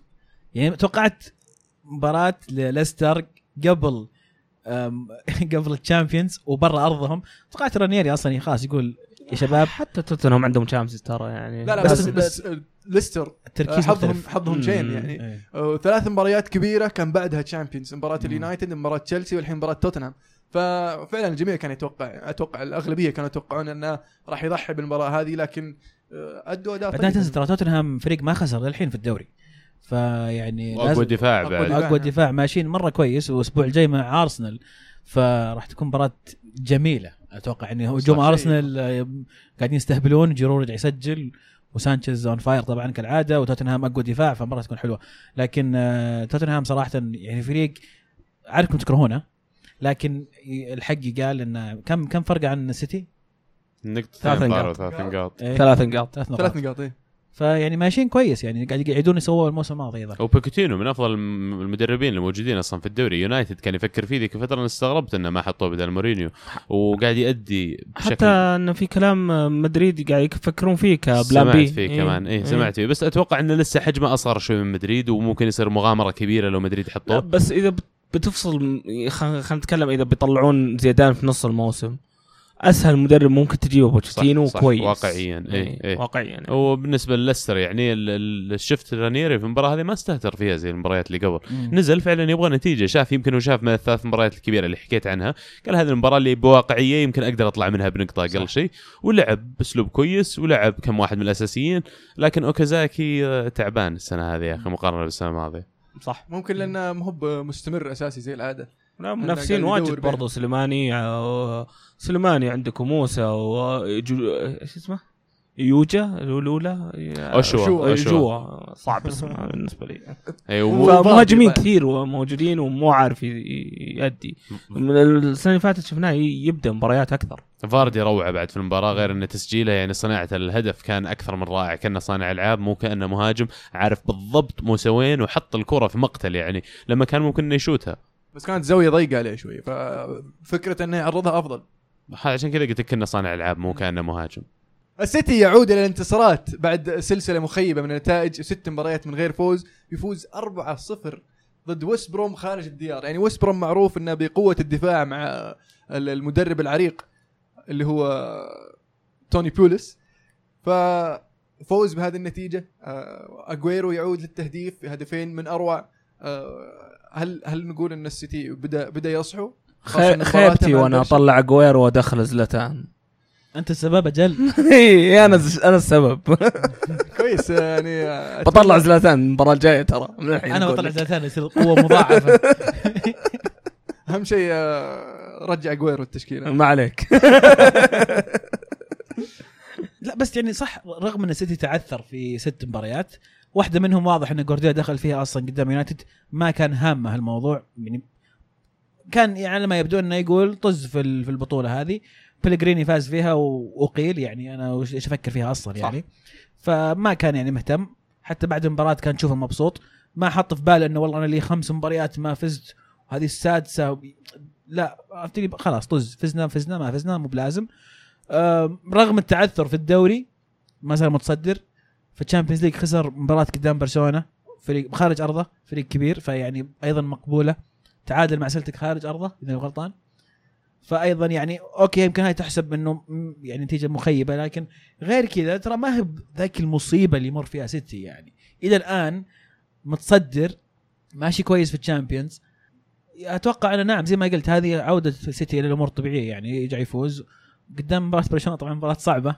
قد تعثر هذا هذه العودة لكن أتوقع إنه في الدوري ما راح يكون عندهم مشاكل هي, هي كثيرة. ما هي مصيبة بس الناس مهم متعودينها من جوارديولا. هنا هنا الموضوع بس هي شوف هي هذا خربت تجربة جوارديولا جديده بس لجوارديولا أكيد. هذا شيء جوارديولا ما قد مر فيه من قبل. لا لا هو ببرشلونه ولا هو ببايرن ميونخ. على تجربة جديدة ترى قاعد يدي أداء خرافي يس. يعني واصل أتفق الأول. معك صح. قاعد يأدي كويس. آه، لما يروح يأخذ برشلونة أقوى فريق في في ذيك الفترة مثلا وبايرن أقوى فريق في, في ألمانيا أسهل منك تمسك سيتي لا في فريق ينافسون. ما هو بطل الدوري تحدي. مختلف تماما وفريق صح. ما تعود عنده هوية يلعب فيها الملعب وعنده خلينا نقول tradition أو أو ميراث. كرة قدم زي برشلونة عندهم أسلوبهم يلعبون فيه. بايرن زي ما قلت عندهم أسلوبهم ال intensity العالي يلعبون فيها. مانشستر سيتي نادي حديث يعني آه، بموازين كرة القدم. زي ما قال المهند قبل ما يحضرون حتى ما يعبون المباريات في ال Champions. ففرض أسلوبك عليه ونجاحك في نادي زي كذا راح يثبت نجاحك أكثر من اللي سويته في برشلونة واللي سويته في. من الأندية فعلا خاصة السيتي لما جاء ما كان فريق جاهز زي برشلونة وزي آه، البايرن. آه، فترة يعني آه، تحدي جديد لبيب وحتى الآن مؤدي أداء يعني ممتاز تشيلسي يفوز 2-0 خارج الديار ضد ساوثهامبتون في مباراة يعني آه، يستمر فيها دييغو كوستا في التهديف وصدارة الهدافين في الدوري الإنجليزي. وش رأيك بدييغو كوستا السنة هذه عن السنة الماضية؟ وش اللي تغير؟ آه، ممتاز دياغو كوستا. قاعد ي- قاعد تجي فرصة. آه، السنة اللي فاتت ما كان عنده الفرص. لأن عندك صناع اللعب كانوا سيئين. هازارد طايح مستواه أوسكار وليان الحاله ضعيف اللي بقول إنه ساوثهامبتون الأسبوع اللي فات تعادل مع سيتي وكان يعني ند مرة صعب. الأسبوع هذا يعني قدرنا نوقفهم ما قدروا يهاجمون ابدا. آه، ثلاثة دفاع الخطة هذه قاعدة تأدي أك... يعني أفضل وأفضل. وأشوف كونتي مستمر بنفس التشكيلة كنت قلب دفاع. أتوقع أنه بيسحب حتى ليفانوفيتش على طاري ولا هدف آه، مع التشكيلة الجديدة صح؟ في الدوري إيه اي من الدوري. من مباراة أرسنال. من إيه. مباراة من ارسنال يعني غير التشكيلة وهو ما. جاء فيه ولا هدف. آه، التشكيلة مرة ممتازة. أنا اشوفه ماركوس ألونسو قاعد يؤدي أداء ممتاز. فعلا اذا إذا هي ال- هي ضابطة ليش تحوس فيها يعني؟ بالضبط. الدفاع ظابط خلي الدفاع ماشي زي ما هو. بس يعني ازبيليكويتا قاعد يعاني. يعني لما لما يجي يمسك معاه آه، يعني راس حربة يرفعون لا ي- صعبة شوي عليه. فعلا. خاصه خاصة في الشوط الثاني طلع موزس ودخل إيفانوفيتش. شو شفنا ازبيليكويتا في ال full back أفضل أفضل بكثير. مركز المفضل. بالضبط. أهم مباريات الأسبوع القادم مانشستر سيتي ضد ميدلزبرا تشيلسي ضد إيفرتون مباراة قوية والديربي شمال لندن أرسنال ضد توتنهام. ليفربول يلعب ضد واتفورد في الأنفيلد ومانشستر يونايتد يروح ويلز ضد سوانزي. وبطل الدوري ليستر يلعب مع ويست بروم. بالضبط. آه، نذكر بجدول الترتيب في الصدارة بعد 10 نق... بعد 10 جولات مانشستر سيتي ب 23 نقطة. أرسنال في المركز الثاني ب 23 نقطة ليفربول في المركز الثالث ب 23 نقطة تشيلسي في المركز الرابع ب 22 نقطة توتنهام في المركز الخامس ب 20 نقطة يونايتد في المركز الثامن ب 15 نقطة بعيد جدا عن ال- ال- المراكز المتقدمة.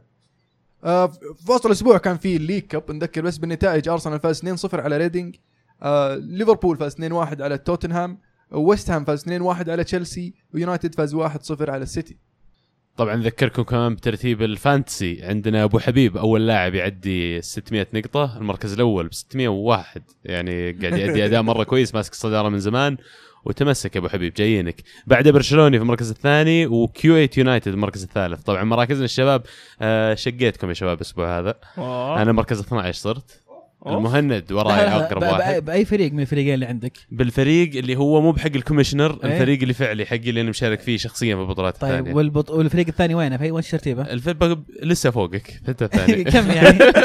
يعني تقريبا. بيجيك في الترتيب الحين. طيب okay. فالمركز 12 الآن في مقدمتكم يا شباب شدوا حيلكم تلحقون المهند قريب مو بعيد في المركز 19 آه يجي دبي بعده بفرق تقريبا شوي ثلاث ال 33 وعزيز يبيك تشوف لك حل. ما ينفع كل أسبوع تنسى تحدد والله العظيم تشكيلتك يا عيال اللي شوف اللي يذكرني يا عيال بعطيه 10 نقاط مجانا. زي كذا بس. المركز 63 عزيز. أنا 60 الفريق قريب قريب. فريقي حق الكرة معنا في المركز اللي تحت على طول باي ذا 64 اي فاز عليه لا بس أنا اللي يبي لي أطلع إبرة. يبي لي أتذكر عد تشكيله أنا بروح أشوف كم واحد مصاب عندي أصلا. طبعا نذكركم الانتقالات. لا تخلونا نتكدس. كل ما حصل عندك انتقال شوف اللاعبين اللي ما راح يلعبون اللي بدوا آه، لاعبين آه، مدربينهم يستغنون عنهم ولا قاعدين يواجهون فترة عصيبة شوي على الملعب بدلوهم جيبوا لاعبين بدالهم. وكمان حاول توفر جزء من المبلغ اللي يطلع فيه اللاعب على أساس إنك إذا تبغى تجيب لاعب غالي في المستقبل. أنا شكلي بستخدم وايد كارت الحين خلاص. هذا وقتها لأن كمان مم. جانيوري جاي بيعطونك واحدة غيرها. بالضبط. جميل. في الدوري الإيطالي نذكر ب وسط الأسبوع أول شيء نتائج وسط الأسبوع جنوا يفوز 3-0 على الميلان. يعني سوى الصعب الميلان بعدين جاء خربها كذا في مباراة واحدة. وكان في طرد في المباراة وفيلم. كانوا حايقينها بس- مرة في المباراة. حتى قبل الطرد يعني المفروض إنك الطرد أكيد أثر على ميلان لكن يعني كان المفروض إنك تحسم مباراة زي كذا. الإنتر يفوز 2-1 على تورينو واليوفي يفوز 4-1 على سامدوريا. لاتسيو يفوز 4-1 على كالياري. نابولي يفوز 2-0 على إمبولي. هذه مباريات وسط الأسبوع لكن مباريات الويكند. اليوفي يفوز 2-1 على نابولي. وش رأيك بالمباراة؟ هيغوين هيغوين اين يا أخي رهيب انت معلق مرة رهيب. هيغوين يسجل ضد فريقه السابق. هدف الفوز برضه ولا احتفل. هو صح شوف هو يعني لازم نحيي هيغوين على احترامه على الفريق السابق. لكن يا أخي لما ناس يدعون عليك بال بال بالإصابة وراح نوزع بيتزا بيورو إذا أصيب اللاعب و... ويحرقون تيشيرتاته ويحطونها على الله يكرمكم آه، الزبالة و... المفروض إنك سجلت. خارج أرضه مو عند في أرضك يعني مع فريق الجديد المفروض تحتفل إذا رحت هناك ممكن ما عفواً عبد تحتفل العزيز هذا يثبت إن الجمهور سكام مو اللاعب سكام إي إي. يعني هو- هذا أنا. أث- بشبهها في توريس مع ليفربول الجمهور كانوا سكام بس توريس ما ما كان بيحتفل بالعكس كان مرة محترم الجمهور. إي طيب أنا عارف بس أقول يعني أقول لك أنا احيي هيغوين لأن أحترم ناس ما أحترموه. هذا قاعد أقول أنا. أوكي. برضو ما ما تقدر تطلب منه يحتفل. لا أنا كان أنا كان ودي يحتفل لا،. ما احب ما أحب للنابولي مشجع نابولي عرفت؟ طز فيهم. لكن آه، لازم نحيي هيغوين انه كان مرة محترم مع مع ناس يعني ما احترمه آه لكن بخصوص المباراة يعني دخول كوادرادو أنا فاجأني صراحة. يعني أصيب كيليني في الدفاع. توقعت ينزل بن عطية. أليجري قال أنا ليش أضيع تغيير؟ خلني أغير خطتي من الحين ونزل كوادرادو ولعب أربعة أربعة اثنين تقريبا صار يعني أكثر إلى الهجوم. وهذا تغير اللعب اليوفي كثير مع دخول كوادرادو وضغطناهم أكثر. أم، أيضا ماركيزيو. هذه المباراة يعني في حالة الإصابة توقعت إنه يدخل لاعب وسط آه، بحيث إنه يلعب 4 3 1 2 وتشكيلة أليجري المعهودة مع أيام ميلان. بس هو مشكلة ما عنده الواحد هو ما عنده الواحد هذا. عنده بيانيتش. بيانيتش ما يحس ما يحس إنه يعني. يلعب في هذه الخانة. مو راضي. بيانيتش أصلا قصة مختلفة. بيانيتش إلى الآن ما هو يعني بيانيتش اللي عرفناه. يقوم. يلعب على الطرف اليسار. لازم يعني تعطيه حرية أكثر. هو هذا خانته مع مع روما كذا كان ترى على اليسار. أيوه على اليسار بس في الوسط. إي. إي بس الحين صار يلعب 4 4 2 وحط على اليسار. ما حطه على الطرف بعيد جدا. لكن فعلا كان هو يعني أقرب لهذيك الجهة لكن الخطة كانت تصير 4 3 3 مع تقدم كوادرادو والوسط يصير ثلاثة. وساندرو كان يتقدم يعني من طرف اليسار. ساندو كان يطلع إيه. يتقدم. لكن يا أخي نزلت ماركيزي وغيرت الفريق. صار في لاعب ينزل يستلم كورة يهدي اللعب يسرع اللعب. يتحكم برتم المباراة. يتحكم برتم المباراة ينقل كور صح. يا أخي والله افتقدناه كثير كثير كثير حتى لدرجة إنه ما عندي مانع. هنا نزيل يلعبوا ماركيزو في عادي عرفت لي؟ ما تفرق. خلاص. بس آه، نابولي آه، أشوف إنهم غلطوا اولا بلعب ميرتنز آه، ميرتنز كرأس حربة يعني أو ك false nine. أشوف إنك يعني فقدت أنت الخانة هذه في ميرتنز. كان ممكن ما تلعب ما مثلا بعد بقى عنده مهاجمين. بس تعبوكم برضو. يعني ال one touch pass هذه اللي لأنهم قاعد يسوونها كاييخون انسينيو وميرتنز واو والله يو تعبوكم يعني دفاعكم تعب الثلاثة دفاع يوم غير الخطة أصلا زبطت معاكم كان إيه. أفضل إيه. بالنسبة لكم واللي فادنا تدري وشو يوم سحب إنسيني إيه. يوم سحب إنسيني ارتحنا كثير حتى إنسيني طبعا طلع زعلان وما ألومه صراحة لأنه هو كان. قروشها إيه. وتو مسوي ال assist يعني إيه. كان فعال في المباراة غريبة تبديله فعلا طلع إنسيني نزل ماركيزيو تحكم من المباراة جبنا الهدف الثاني ال- الغريب إنه دخل آه، جاكيريني وجاكيريني ما ما شفته في المباراة يعني من إيه. دخل جاكيريني أصلا يعني قاعد يلعب من جوا قلبه يوفنتيني عرفت؟ فمو مو قادر. لكن نابولي نزلوا للمركز الخامس. يعني مباراة كبيرة وخسارتها يعني ما هي يعني شيء مصيبة لكن المفروض إن ينتبهون أكثر من كذا إذا يبغون يحققون مراكز ال Champions League لأنهم بدوا يبعدون كثير. الهدف الأول كانت غلطة فادحة من المدافع. بدل ما يخلص الكورة على برا خلصها كذا عند آه، بونوتشي بس كيف ال finish. ال finish؟ بونوتشي بال... بال... بالقدم اليسرى وهو يشوت باليمين يعني وتسديدة قوية. على قولة فهد العتيبي. بوم! أيوه. ميلان يعود الانتصارات يفوز 1-0 على بسكارا هدف جميل حق بونافنتورا فاول على طريقة آه، رونالدينيو. بيرلو. أو بيرلو بعد. نختلف لكن لكن اثنينهم لعبوا إيه، في ميلان طيب. بالضبط. ف بس واحد منهم لعب مع اليوفي. إيه. واحد, واحد منهم واحد منهم. ازين من الثاني بعد. واحد منهم خلعها مع برشلونة. يعني. المهم آه، هدف جميل تحت الحيطة حطه لكن آه، ميلان يعني كويس إنهم فازوا لأن لو ضاعت النقاط في المباراة هذه في أرضك كانت راح تعقد الأمور مرة. فعلا استغلوا تأثر روما برضو في هذه الفترة. يعني روما تعادل 0 0 ضد أمب- إمبولي في آه، مباراة يعني عجيبة. يعني. مع إني والله كنت أقول جاكو يعني كان هداف الدوري وماشي كويس وقاعد يسجل كل مباراة. لكن في مباراة إمبولي ماشي. رجع حق السنة اللي فاتت. رجع رجع رجعوا كلهم. شيء غريب صراحة في مباراة إمبولي. طبعا آه، إصابة فلورنزي آه، بالرباط أيضا راح تكون مؤثرة لروما راح يغيب فترة طويلة. لكن أيضا ضيع نقاط ممكن نقول سهلة من أمبولي. الانتر اللي ضيع نقاط ضد سامبدوريا. خسر 1 0 ضد سامبدوريا في آه، جنوا يعني. آه، يعني غريب على ال- ال- ال- الانتر خاصة إنه يعني فاز في مباراة في وسط الأسبوع فتوقع منه إنه يكون آه، ما زال متحمس. وسامبدوريا يعني مصقوع من اليوفي في, وسط الأسبوع فتقول ممكن يكون متخوف يلعب ضد الانتر. لكن هم استغلوا حالة الانتر و... و... وقدروا يخرجون بالثلاث نقاط سامبدوريا. بس في نقطة تحسب لسامبدوريا. هم لعبوا مع جنوا في الديربي يوم في الويكند الماضي. ونزلوا بتشكيلة ممتازة. قدام اليوفي المدرب ما بدا لا في موريال ولا كوالياريلا ريحهم اثنينهم. أعتقد إنه قال مباراة برا أرضي قدام اليوفي ماني فايز. خلني خلني أريح. يمكن عندي فرصة قدام الإنتر اللي يعاني. وفعلا مباراة الإنتر نزل بكوالياريلا وموريال الأساسيين. وقدروا يأخذون ثلاث نقاط. فتحسب المدرب سمدوريا يعني لعبها صح. أما الإنتر أتوقع إن مجرد الموضوع وقت ويمشي ديبور. أتوقع إن الصبر نفذ. أتوقع شوف الإدارة يمكن تبغى تصبر عليه. الملاك هم اللي هم اللي ما يبون بس الإدارة ودها تصبر. الملاك يقولون لا خلاص. ملاك جدد وما عندهم الصبر. فيقولون ليوناردو جاهز. يقولون لوران بلانك يقول أنا ماني مستلم النادي فترة مؤقتة بس كون اياه مشروع طويل. فممكن نشوف إقالته قريبا. يقولون بعد فترة توقف جاية حقت آه، منتخبات فيمكن يستغلونها مع مدرب جديد. وضروري بالنسبة يا أخي الانديه اللي تبغى تسوي شيء بالذات حاليا مثلا فرقها قاعدة تعاني إنها تختار لها مدرب فعلا تؤمن بقدراته وحتى لو عانى شوي في البداية لازم يؤمنون فيه ويعطونه مثلا project ولا مشروع على ثلاث أربع سنوات يقدم اللي عنده. ووقتها يمكن نشوفهم يرجعون المنافسه طيب مثلا ديبور أنت تشوف هل إنه أخذ فرصته الكاملة؟ لا أنا ما أشوف إنه أخذ فرصته. الرجال يعني كم ما كمل ما كمل شيء. والهولنديين بالذات معروف إن أسلوبهم ياخذ وقت عشان يفرض على النادي أنا قلتها قبل. وأقل شيء أقل شيء يعطونا سنتين قبل ما يقيلونه بالنسبة لي إذا يبغون فعلا يشوفون نتائج العمل كم؟ اللي قاعد يسويه سنتين.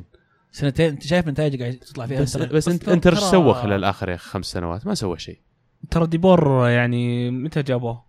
أقالوا مانشيني نهاية الصيف وبعدين جابوه. إي أنا معك بس أشوف مو باللعيبه. اللي هو اللي جايبهم مو بال يعني لسه عطى على الأقل يناير يا أخي يشتري لعيبة. إيش يقولون في إيطاليا؟ يقولون إن المدرسة الهولندية تختلف تماما عن المدرسة الإيطالية. يا أخي فانت فان باستن خولت و... لا، كمدرب، لا، لا، كمدرب- كمدرب. عادي يلعبون الهولنديين ما عندهم مشكلة. لا لا ما أتكلم كلاعب أتكلم كمدرب. أتكلم انه ما في مدرب هولندي جاء في إيطاليا وفرض أسلوبه أو الأسلوب الهولندي على الأسلوب الإيطالي. وضبطت معه. ما أعتقد إن أصلا في أحد جاء سواها أصلا؟ فالكلام الكلام سيدورف اولا اولا ما هو محنك. تدريبيا وقضى معظم حياته في خارج هولندا فما نقدر نقول إن هذا مدرسة هولندية ومع ذلك ما نجح سيدورف فالناس في إيطاليا يقولون إن هذه المشكلة الاساسيه إنه هذا جاي بفكر هولندي صعب تفرضه على الطريقة الإيطالية. ما أحس هذا المشكلة لأن أنا اقيسها ما أدري عند الدوري الإيطالي بس Premier League مثلا قبل ما يجي لا قبل نجاحات أرسن فينجر وغيره وقبل نجاحات سير أليكس ما لا سير أليكس بعد محسوب عليهم. قبل نجاحات أرسن فينجر ما كان في مدربين أجانب ينجحون في England. لكن بالعكس مرات يجي الواحد عنده وجهة نظر مختلفة عنده أفكار جديدة fresh يقدمها للدوري.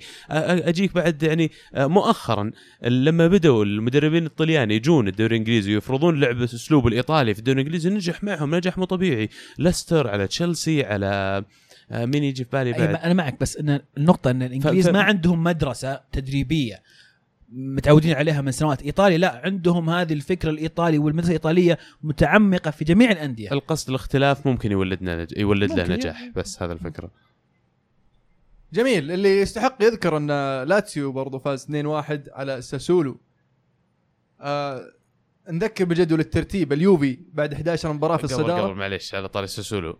آه بيراردي ليش ما يضمه يا أخي المنتخب؟ إيش السالفة؟ حاليا. لا لا هو أصلا ما قاعد يضمه ولا هو معتمد عليه بشكل أساسي. يقول إذا غيرت أسلوب لعبي بجيبه و... ما سمعت. فنتورا؟ إيه. فنتورا تو من يوم جاء فنتورا ومصاب بيراردي على فكرة. ما بس أنا اللي عارف إنه بالعكس هو يبحث عن اللعيبه الصغار وأعتقد أول ما يرجع بيراردي يشارك بانتظام راح يضمه لأن شفنا جاب آه، آه، بافوليتي بافوليتي هو؟ بيلوتي ولا بيلوتي- بيلوتي. بيلوتي. حق تورينو. صح إنه كان يدربه لكن جابه قاعد يجيب لعيبة صغار دوناروما قاعد يحاول بالعكس يمزج الخبرة مع الشباب. هذه فك... هذه فكرة آه، فنتورا. فأعتقد انه أول ما يرجع بس بيراردي بيرا- بيرادي من عمره 18 تقريبا هو متفجر اللاعب وقبله شارك 17 مع السنيه توقعت اي بس توقعت إنه بيكون له دور أكبر شوي في منتخب ايطالي بس ما شفت صار خلال الأربع أو خمس سنوات الماضية. يمكن أو شوف اختيارات لأن كونتي جاء سنتين ومشى. قبلها كان صغير بيراردي الآن فنتورا جاء إصابة بيراردي. أعتقد راح نشوفه قريب أكيد. مستحيل انك تتغاضى عن موهبة زي كذا يعني بالذات في ايطاليا صعب إنك كذا في واحد موهوب صغير بالعكس يتحمسون الطل- الطليان على اي اي موهبة صغيرة يلا جيب جرب. شوف كيف تحمسوا على جيفينكو وغريبة ما شريتوه أنتم يا. اليوفي. هو أصلا عنده اتفاقية مع اليوفي إنه ب 10 مليون متى ما بغيناه لكن هو فضل انه يبقى السنة هذه مع ساسولو زيادة. قال أنا بروح في اليوفي بقعد دكة ما أبغى احارب على خانه ابى العب في اساسي في ساسولو وتحدي جميل خاصة ساسولو يلعبون في ال Europa League برضه هالسنة. نذكر بجدول الترتيب اليوفي بعد 11 جولة في الصدارة ب 27 نقطة، روما في المركز الثاني ب 23 نقطة، ميلان في المركز الثالث ب 22 نقطة، لاتسيو في المركز الرابع ب 21 نقطة، نابولي ينزل للمركز الخامس ب 20 نقطة، إنتر بعيد شوي في المركز ال 11 ب 14 نقطة. نذكر بأهم مباريات الأسبوع القادم، نابولي ضد لاتسيو الرابع والخامس، باليرمو ضد AC ميلان وإنتر ضد كروتوني واليوفي خارج أرضه ضد كييفو. في البوندسليغا دورتموند يتعادل 0 0 ضد شالكا في الديربي آه، النوم. فعلا. دربي النوم. يا أخي دائما حريقه ذا الديربي ما أدري إيش. فيه صراحة. يعني على الأقل في طقاق يعني. اي أي شيء. أتوقع تخوف الفريقين يعني. دورتموند يمر في في سلسلة يعني سيئة من نتائج سيئة وشالكا ما شالكه زال مرة معدوم. اي ما زال يعني شالكة نتائجهم الأخيرة إيجابية كثير بالعكس آخر أربع خمس مباريات قاعدين يفوزون. مو بأربع خمس مباريات يعني كلهم لعبوا تسع مباريات يعني. 12 أول خمس مباريات يعني. كلها خسائر. آخر أربع خمس مباريات في كل البطولات. آه okay. والبايرن يفوز واحد ثلاثة ضد أوغسبورغ. مباراة نقول, نوعا ما سهلة. نقول دوري ثاني للبايرن؟ آه والله شوي؟ والله على حسب يعتمد على ليبزيج ليبزيج ليبزيج وهوفنهايم ليبزيج وكولون من جد أتوقع. هذول ركبنا الباص. يلا لا وفريقهم يا أخي زي ما تكلمنا كذا مرة قبل يا أخي جيد وصغار وفعلا تحمس لما تشوف فريق يحاول يقدح على الأندية الكبيرة ذي. بإمكانيات لما يصير عندك بزران البزر مو زي مثلا لما تجيب واحد زي إبرة بكلفك وبتجيب معاه هالة إعلامية يجيك واحد ما حد يعرف منه وفنان الولد بس تعطيه فرصة تعطيه سيستم وهو يزبط معاه تبني فريق حوله يعطيك دوري. ليش ما يعطيك دوري؟ وشيء زيادة إنه ما ما يتوقعون منه المنافس أي شيء فيفاجئهم. هذا من الأندية الأخرى حديثة المولد تكلمنا عنها بعد. نذكر بجدول الترتيب البايرن في الصدارة بعد تسع جولات ب 23 نقطة ليبزيج في المركز الثاني ب 21 نقطة هوفنهايم في المركز الثالث ب 19 نقطة كولون في المركز الرابع ب 18 نقطة وفي هرتا برلين برضو ما زال يعني في ال mix في المركز الخامس ب 17 نقطة دورتموند في المركز السادس ب 15 نقطة. في عندك جلادباخ في المركز 11 12 نقطة ليفركوزن في المركز 10 13 نقطة وفي المركز ال 12 شالكة بثمان نقاط. شوف فولسبورغ سيء. وين هو فيه. فولسبورغ ممكن إيه. يهبطوا. وولسبورغ حالتهم سيئة. بس هم وهامبورغ هامبورغ أشوف إنه حان الوقت إنهم يهبطون خلاص. لا يا أخي حلوة منافستهم يا أخي على اخر شيء وخلاص آه بنهبط بن... آه لا ما إحنا مهبطين ساندرلاند. إيه، بالضبط. ويجن ذيك السنوات. فالدوري السعودي الهلال يخسر 2-0 ضد الاتحاد في استاد الملك فهد بالرياض وش صار يا عزيز؟ ما ما شفت مدرب. هارد جديد. لك هارد لك يا شباب شفتها. بعد ما يجيك إيش كنت تسوي؟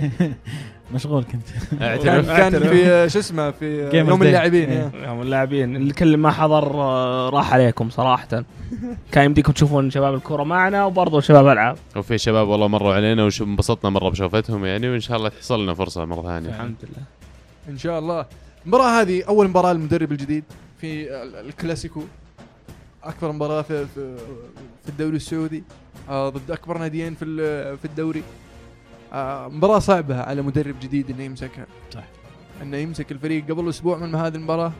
المفروض إنه على الأقل انه المدرب الأولمبي هو اللي كمل على الأقل هذه المباراة. إلى؟ متى؟ إلى متى؟ يعني هو كانوا يقولون قبل مباراة الشباب قالوا لا مباراة الشباب خروج مغلوب خلينا ناجلها عادي أنا أشوف إنه ممكن انها مباراة صعبة لكن اولا ما تحمل المدرب وما تدري كان ممكن لو مدرب أولمبي أيضا يخسر.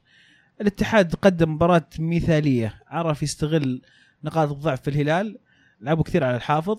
آه، لاعب صغير جديد وس- واستغل نقاط الضعف فيه. الفريق شاب فريق الاتحاد منظم آه، ماشيين كويس مع أن عندهم غيابات.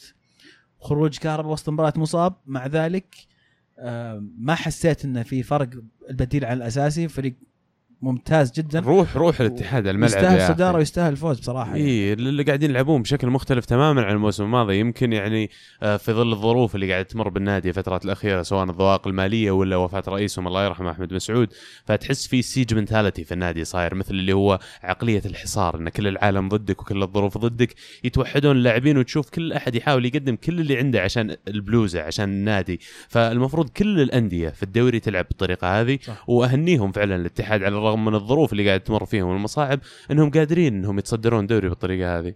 آه، في في الشوط الأول الهلال كان لاعب بطريقة أفضل كان لاعب آه، مهاجم وضاغط الاتحاد لكن ما عرف يستغل الفرص. الاتحاد كان مدافع بطريقة جيدة. في الشوط الثاني شفنا الاتحاد بوجه مختلف. آه الهلال اختفى عن المباراة. آه الاتحاد كان أخطر آه عرف عرف ال- المساحات على الاتحاد على الهلال. آه الهلال ما عرف يوصل للمنطقة. آه و- ولعبوا فينا بصراحة بالهجمات المرتدة. تغييرات آه، رامون دياز ما عجبتني ابدا. لم تكن موفقة. تبديل أنت خسران تبدل مهاجم بمهاجم. ما أشوف فيها أي منطق بالذات انه المهاجم اللي نزلته مو مهاجم كويس أصلا. يعني له فترة ما سجل. يعني آخر مباراه آخر مباراتين جاب هدفين لكن يعني قبلها صايم ولا هو بذاك المهاجم الفتاك. أنا أشوف إنه كان المفروض يدرس الفريق أحسن من كذا. بما- بالذات إنه يقول إنه تابع آخر 12 مباراة للنادي. المفروض إنه عارف إنه عندك قدرة إنك تزيد عدد الهجوم تشوف لك طريقة أخرى في التغييرات. الشلهوب غايب من زمان عن المباريات. ما أشوف إضافة الشلهوب كانت يعني مناسبة في مباراة زي كذا في وقت زي هذا. غياب سمان الفرج أكيد مؤثر. آه، جحفلي رغم إنه ما هو المدافع الأفضل عندنا لكن غيابه وغياب الانسجام كان مؤثر. آه، آه، فهذه كلها بدايته بتياجو يعني غريبة. تياجو ما بعد أنسجم مع الفريق حتى مبارياته كلها يدخل آه، في الشوط الثاني أو يلعب أساسي في مباريات يعني آه، آه، خلينا نشوف مع, الفرق ال- ال- ال- المتواضعة. لكن في هذه المباراة في الكلاسيكو لا بس آخر ليش؟ مبارتين آخر مبارتين بدأ فيها بدأ أساسي. هذه نفس التشكيلة اللي أتوقع يعني السابقة آخر مباراة دوري باستثناء إن الرويلي لعب مكان سلمان والحافظ مكان جحفري. غير كذا الخليج المباراة. واللي فريق كان متواضع يعني أيضا تياجو ترى كان قبلها يلعب. مباراة شباب لعب تياجو مباراة ف- شباب في الكاس. إيه فحاول هو خلاص يخلي يخلي تياجو يعني على أساس إنه أساسي. مين فيه؟ مين تلاعب؟ لاعب لاعب على الأقل سالم. سالم نفس الشيء غايب تياجو لعب أكثر من سالم. بس على الأقل عنده خبرة في ال- في ال- في المباريات هذه ويعرف مدى أهمية الكلاسيكو آه، للفريق وللجمهور وخ... يعني انت حاسس إنه ما كان مقدر أهمية الكلاسيكو؟ مين؟ مدرب. تحس. إنه حاسس انها مباراة عادية؟ ما مع إنه ترى قال تصريحه قال أنا عارف إنها مب- مباراة كلاسيكو اكبر مباراة في السعودية لكن يعني أول مباراة لي فيعني آه، أنا في أنا عجبني إنه قال في أغلاط كثير. معلش أرجع شوي وشو أكبر مباراة في السعودية؟ اي كلاسيكو هو. كلاسيكو السعودية يعتبر يعني حسب الإعلام. بين أكبر فريقين طبعا في السعودية فشيء طبيعي. سواء رأينا هذا أو الواقع ممكن تختلف معنا يعني والله أنا أختلف معكم ما أبغى أجرح تجريح شخصي ف ليش تجري شخصي؟ ليش- ليش تكلم شخص تكلم الأمور؟ أنا أي شيء بتقوله أنا برد عليك يعني بكل واقعية إيه. أنت مهزوم الحين okay وزعلان بالضبط فأنا ما أبغى اني اني إني أكثر الضغط عليك حاليا عشان تدور لك شيء. تحط فيه بالضبط، شفت؟ لكن أنا مو بعذر البليد إحنا شاف. توجيهه تلم وخاف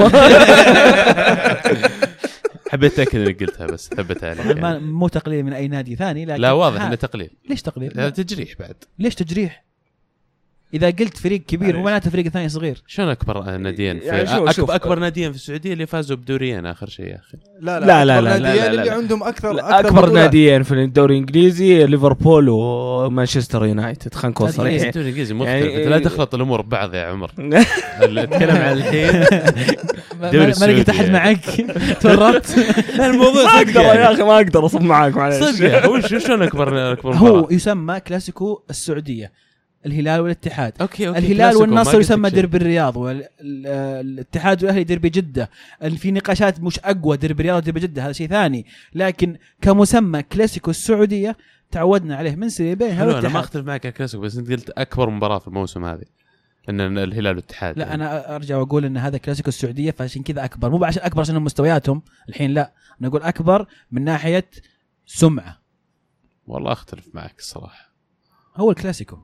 إي okay okay ما أقول لك شيء. زبدة هو عبد الله يبغى بس يطقطق خلينا نركز في صدقني بي- بيفزعون معك ناس. والله أنا أنا وجهة نظري الشخصية صراحة ان أكبر. الانديه اللي فايزه بالدوري آخر شيء. يعني. الشباب يفوز 2-0 على الفتح ويستمر في في في سلسلة الانتصارات الأخيرة. الفتح معانين مرة على الرغم إنهم رجعوا الجبالي فتح الجبالي اللي جاب مع الدوري لكن ما يزال الفراغ الإداري في النادي شكله مأثر كثير على اللاعبين. آه، ما حتى في بوادر إنهم يتحسن مستوياتهم ويرجعون يفوزون يبدو الهبوط قريب السنة هذه. الله يستر. الله الله لا ما زال عندهم توقع. الفرصة يعني أكيد ما في فرصة لا زال. بس تو جاي فتحي أعطى فرصة. إذا ما يعني رتبوا أوراقهم. يلم الأمور يضبطها و... بس الهبوط احس أتمنى يعني. والله اتمنى ما لعبنا إلا سبع مباريات ولسه معه وقت. ما حد ضامن الهبوط إلا ساندرلاند. واقعيين أتوقع هامبورغ بعد. الفيصلي يخسر واحد اثنين من النصر. آه، مباراة يعني النصر كان متأخر فيها وقدر يقلب الطاولة على ال- الفيصلي خاصة إن الفيصلي برضو من الأندية الصعبة في في في أرضه. آه، نعم. لكن النصر على ما يبدو إن هذا الموسم يعني آه، يبحث عن ال- ال- المنافسة ليس مجرد المشاركة. وأجانب النصر أرجع وأقول مؤثرين جدا. آه الكرواتيين أدائهم ممتاز مع النصر. كثير. ايالا كويس مدافعهم لا, دفاع لا تسأل عن اسماء خالد الغامدي؟ خلاص ما- لا, لا طبعا مو بخالد آه. طبعا. اتكلم عن آه، مدافع نابولي السابق. دافع نابولي السابق عجبتني. هو كان من أيوة. عمر هوساوي آه، الفريق الفريق ممتاز. عودة السهلاوي وهزازي متحسن. النصر هزازي سجل برضو آه، هزازي لاعبك المفضل يا قاعد يحرجك ها؟ شكله أساسي قدام اليابان. الله يستر. لا أفضل إن شاء الله إن بكثير. شاء الله إن السهلاوي يرجع لمستواه ونشوفه أساسي ضد ال- ال- أفضل اليابان. بكثير النصر ه- السنة هذه عن السنة الماضية. آه يبدو لي يبون يعوضون اللي حصل الموسم الماضي. في المركز الثامن ما كان ممتاز. آه يبدو- يبون يرجعون للمشاركه الآسيوية. الآن ماشي- ماشي- ماشيين صح. آه الصراع على الدوري صاير على ثلاثة أو أربع فرق يعني السنة هذه ويبدو لي إنه متقارب أكثر بكثير. خمس فرق يعني نوعاً ما. على الطاري. فهد مدريد يقول تتوقعون استمرار المنافسة القوية الحالية في دوري جميل بين الكبار إلى آخر الجولات ولا زي كل موسم بتنتهي المنافسة على اثنين وإذا بتنتهي المنافسة على فريقين من تتوقعون يكونون؟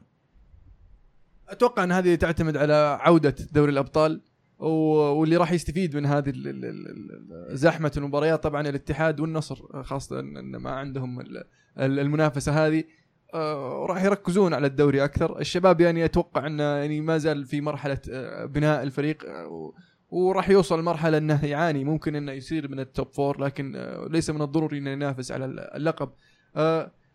الأهلي؟ الأهلي. الأهلي فريق قوي. عودة كروس أو جروس. عودة جروس يعني من صالحهم.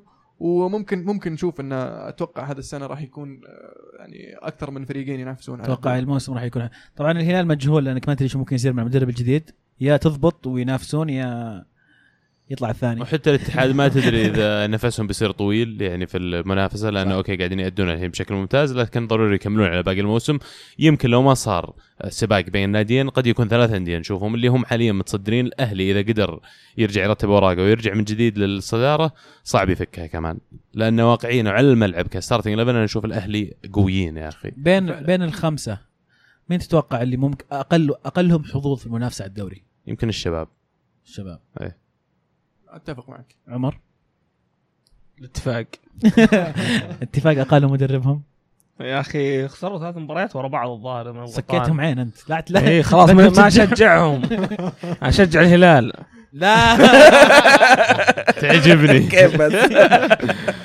الأهلي فاز 4-1 على الخليج مباراه يعني شهدت تسجيل السومة لأربع أهداف في هذه المباراة. صام صام. ما زالوا معتمدين عليه يا أخي يا أخي بشكل كلي. okay شيء ممتاز إنه يصير عندك لاعب يلعب بالطريقة هذه لكن المشكلة إنه لما اللاعب هذا يصاب ولا ما يؤدي كم زي ما شفناه في كم مباراة قبل ما تقدر تفوز لأنك كل خطتك معتمدة على هذا اللاعب وادائه قدام المرمى. فهنيئا لهم به بس إنه ضروري يشوفون لهم حل تنويع مصادر الأهداف تنويع الخطورة اللي في الملعب. زي اليونايتد وزلتان ما يسجل زلتان صح. خلاص ما تفوز بس الفرق إن زلتان الآن أنتم عندكم غيره بس ما انت ما تبون تنزلونه برا يا أخي. لا مو بما تبون. مورينيو ما يبي. عنده- ما يبي ولا ما يقدر؟ ما يبي. ما يبي ها؟ لو طب- لو بغى يقدر؟ ليش ما يقدر؟ لأن يمكن يبي بس ما يقدر. ليش ما يقدر؟ مورينيو ذا. ما هو ب شو اسمه؟ بس أسأل ما أدري عشان ما؟ ما؟ يبي من ما؟ يبي. من هو؟ ما نبغى ندخل. أيوة. اللي ما يتسماش. خلينا خلينا في الدوري السعودي. خلينا في الدوري خلنا السعودي. الدوري السعودي. لك عندهم مهند عسيري. يعني كان ممكن في وقت ال- السومة ينزل مستواه نزل مهند عسيري يفيد الأهلي يفيد المنتخب. صح. ف... دائما نشجع اعتماد على اللاعبين الشباب السعوديين يا أخي أعطوهم فرصة يستاهلون يعني. لكن لما لاعب زي عمر السومة يسجل لك أربع أهداف في مباراة واحدة فجأة كذا ما تقدر تسوي شيء يعني. لاعب لاعب ما شاء الله فنان، يعني فنان. فنان, ومن أفضل مه... حتى يعني كمعدل تهديف ترى ينافس أكبر اللاعبين في العالم. هل أفضل لاعب في الدوري هو تشوفه؟ أفضل هداف بدون منازع حاليا نعم. لكن أفضل لاعب صعبة شوي. في خانات كثيرة نظلمها كذا عرفت؟ يعني الهداف يبان اداءه بأهدافه لكن لعيبة الدفاع والحارس والوسط صعب إنك تقيسها بالمعايير هذه. بس فعلا آه، السومة فتاك. أنا عندي سؤال ثاني يا أخي ليش ما تشوف الانتقالات كثيرة بين الأندية السعودية بشكل عام؟ تشوف ما يطلعون إلى حد ما الرجيع أو اللي أتكلم من الأندية الكبيرة للكبيره أو إنه طالع من نادي صغير ورايح لنادي كبير. ليش ما تشوف مثلا نادي مثل الهلال ولا الاتحاد ولا النصر ولا غيره يحاول يشتري لاعب مثل السومة من الأهلي؟ شفنا لعيبة ينتقلون. من الاتحاد للاهلي إيه. في الصيف الماضي. مين اللي عليه الكلام طلع؟ ال- ال- اللعيبة الشباب. اغلب أغلب أصلا لعيبة الاتحاد في الفترة الماضية كانوا لعيبة الشباب.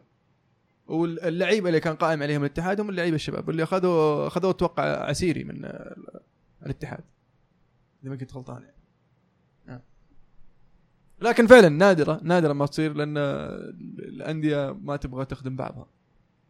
وما الومهم صراحة كلهم يتنافسون دائما على نفس البطولات. ولأن الموضوع ما هو بمالي الموضوع ما هو بكأنه تجاري بحت لأنه لو كان كذا كان معناته لو نادي يقدر يدفع لنادي ثاني مبلغ يشوف إنه يسوى اللاعب كان باعه لكن الواقع صاير آه، فعلا لأنه في في يعني كم لاعب في الاتحاد ويعني عندهم ضائقة مادية يعني فممكن إن الأندية تزبط بعضها تزبط تزبط نفسها من الاتحاد وتزبط الاتحاد ماديا. نجهز عربية سوبر ماركت.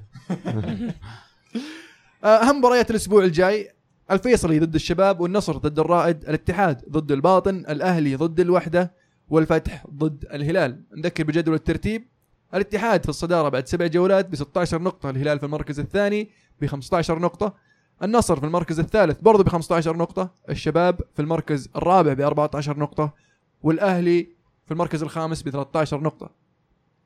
نوصل لفقره بطل وبصل. ببدا من عندك عزيز؟ لا أبدأ من عمر المره ذي. كل مرة أنا عمر دائما أنا يا okay طيب نبدأ من عندك يا عبد. الله. إيش؟ حتى أنا okay طب أبدأ من عندي أنا.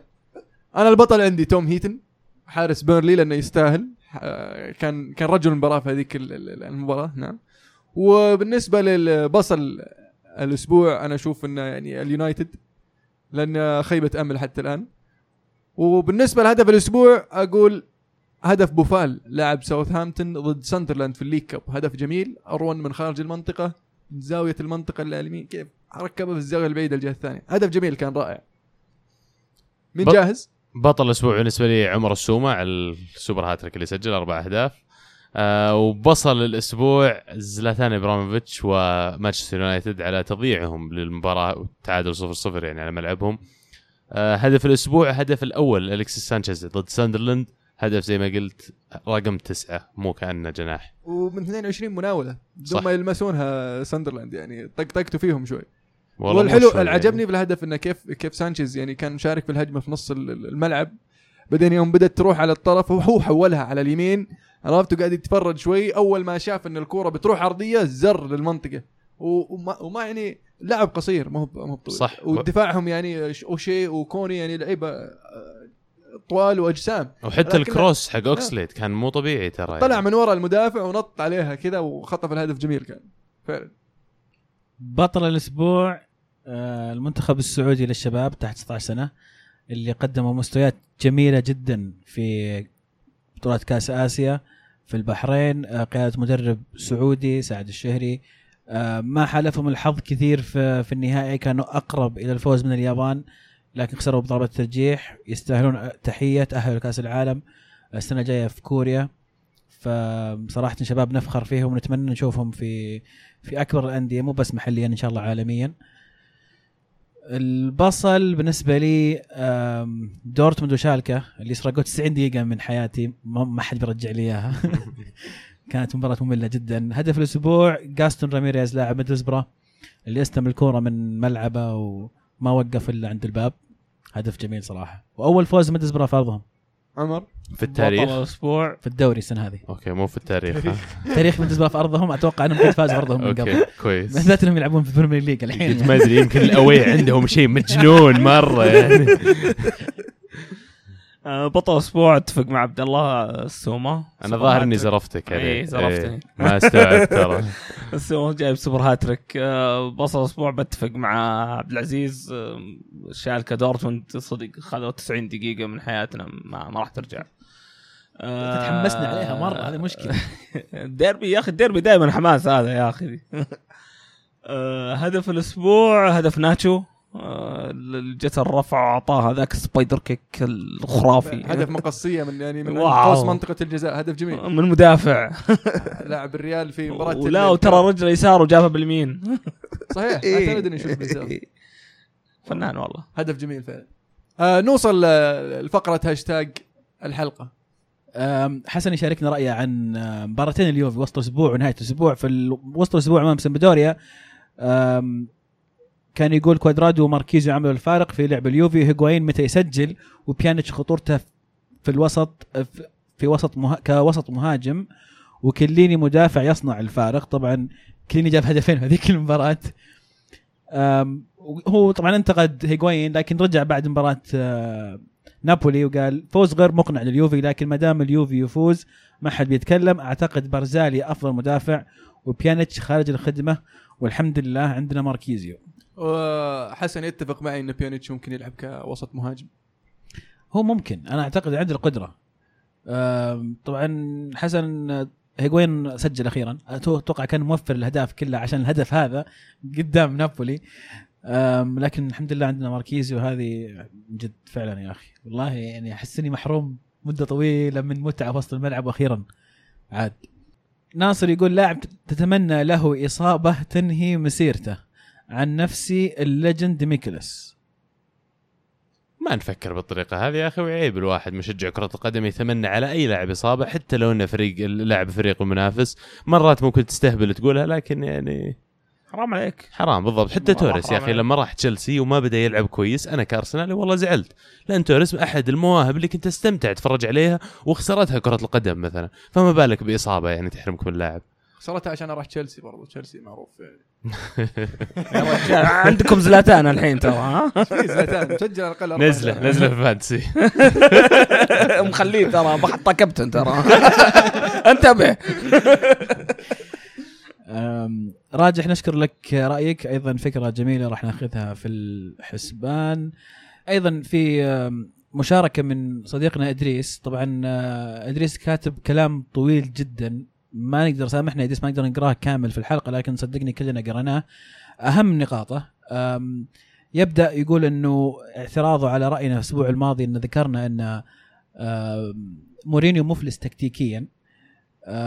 ويقول إن يتفهم إن الأرسناوي واليوفنتيني الموضوع بالنسبة لهم شخصي أما الباقين غريب رأيهم في مورينيو. طبعا يكملوا يعني يب- يبين رأيه عن مورينيو بحيث إنه المشكلة ما هي في مورينيو بالعكس في بعض الخيارات بعض اللعيبة أو الأشياء اللي يسوونها اللعيبة وليس العتب كامل على مورينيو. ما يقول مورينيو ممتاز يقول في أخطاء لكن أيضا في أخطاء من لعيبة مختلفين. بس أبغى أرد على هذه النقطة. آه هل خطأ اللاعبين طريقة لعب مورينيو ضد تشيلسي وضد ليفربول؟ طريقة لعب مورينيو؟ آه ما هو اللي لعب بهذه الطريقة. وهل خطأ اللاعبين لو- استمرار لعب إبراهيموفيتش في كل مباراة على الرغم إنه مو قاعد يسجل؟ لو لو نرجع الس- السنة اللي فاتت برضو يعني هو استمر على لعيبة برضو مع مع تشيلسي كانوا ما مو قاعدين يأدون. وهذا شيء غلط. المفروض إنه يحطهم على الدكة ويعلمهم إنه انت أنت مو بق- أكبر من النادي. هذه ما ما أدري ليش ي- يعني كبرياء يسمح له إنه يسويها. أسلوب اللعب عنده أهم من أي شيء ثاني. إذا أنت تقوم بالوظيفة هذه بشكل بالضبط. جيد خلاص أنا ما يهمني. بالضبط. تلعب أنت سواء يعني فزت ولا خسرت. طلعت ماتا دي بروينا ومن تشيلسي على أنهم ما يأدون الأداء اللي أنت تبيه؟ يوم هم اللعيبة اللي أنت كنت تؤمن إنهم يسوون الأداء هذا. ما سووه ما سويت نفس الشيء طيب. طيب نقطة ثانية. وين عدم دي؟ ماتا ماتا كل ما يشارك يصنع يصنع هدف ولا يسجل هدف ولا يختلق مم. أكثر لاعب في, في الفريق يختلق فرص. وكل أغلب المباريات اللي لعب فيها ماتا فزنا فيها يعني. ومع ذلك ماتا ما يعتمد عليه. شوف هو يقول أخطاء اللاعبين مثلا باستثناء okay كل مباراة تعثر فيها في الدوري كانت أخطاء لاعبين سوء حظ باستثناء مباراة الأنفيلد. آه، البداية بلند هدفين مباراة واتفورد خطأ تحكيمي. رعونة ايبرا مباراة ستوك وبيرنلي آه، انهاء الهجمات في مباراة تشيلسي والهدف دقيقة 33 آم، تشتيت ثانية 33 33 sorry. وتشتيت الكورة من هيريرا في الهدف الثاني. كل هذه أشياء كانت أسباب أهداف على هذه هو ذكرها يعني في في كلامه. لكن أنا ودي أرجع شوي لبداية حديث صديقنا إدريس. اولا يا إدريس لما تذكر مفلس تكتيكيا هذه الكلمة الحلقة الماضية جت من أحد المستمعين. جت كسؤال من أحد المستمعين قال هل ترون إنه هو مفلس تكتيكيا وفي أحد ثاني قال أنا أراه إنه فعلا مفلس تكتيكيا عندنا هنا ات- اتفق مع النقطة هذه عبد الله. وأنا والمهند أتذكر إن اختلفنا مع النقطة هذه وقلنا بالعكس الرجل أنا أتذكر حرفيا أنا قلت الرجل ذكي جدا مورينيو ومدرب محنك لكن مشكلته الآن ان عنده كبرياء. متى ما استطاع أن يتغلب على كبرياءه ويقتنع إن ما يمتلكه الآن من أفكار غير مجدية مع الفريق في الوضع الحالي راح يقدر يجيب تكتيك جديد وذكي وممتاز وينفع الفريق لكن مشكلته ان يتغلب على نفسه الآن هو عدو نفسه ولم نقل إنه ملفس تكتيكيا. هذا كان رأيي أنا شخصيا وشرحته في الحلقة الماضية. هذا بخصوص كلمة تكتيكيا. وقد يختلف تعريفها من شخص لآخر يعني كلمه خلينا نقول مفلس مثلا. فبرضه رغم انك أنت اتفقت معها صح صح لو راح أعطيك وإلى الآن أنا أعطيك فرصة. تقولها.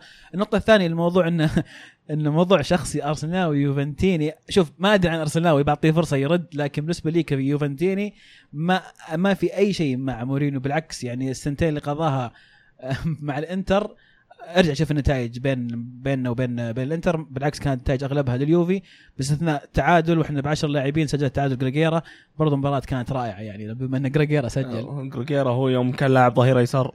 هو يسار ويمينه كله يلعب.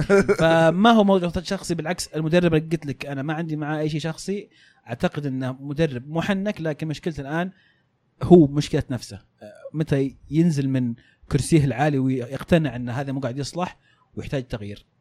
تفضل عبد الله أشوف كمان آه، مشكلتي معاه أنا مورينيو إنه يقف ضد كل شيء اؤمن فيه في كرة القدم، كل شيء اؤمن فيه كمدرب إيش المفروض الخصائص اللي تكون موجودة فيه، آه، أنا أؤمن بتطوير اللاعبين الصغار مثلا بناء فرق شابه عاديه كمل معها أربع خمس سنين وحتى لو ما فزت أنا قاعد أشوف فريق يحاول إنه يوصل وفعلا يقدم كرة قدم جميلة، أنا ما أؤمن في بلا- مدرب يجي يشتري لاعبين ب 100 و200 و300 مليون في الصيف ثم يروح يجيب بطولة وينبسط لأنه قاعد يلعب دفاع 11 مدافع طول الوقت و okay فزت مباريات 1-0 وصلت نهائي ال Champions فزت بال Champions لكن أنا ما أؤمن بطريقة اللعب هذه. كمان أنا ما أؤمن هو بشخصن شخصنه خلافاته مع بعض المدربين الآخرين وبعض ال ال الأندية الأخرى وتقليله من حجم غيره مقارنة بنفسه. لا إذا جينا نراجع الموضوع أنت يا مورينيو أصغر من غيرك كمدرب.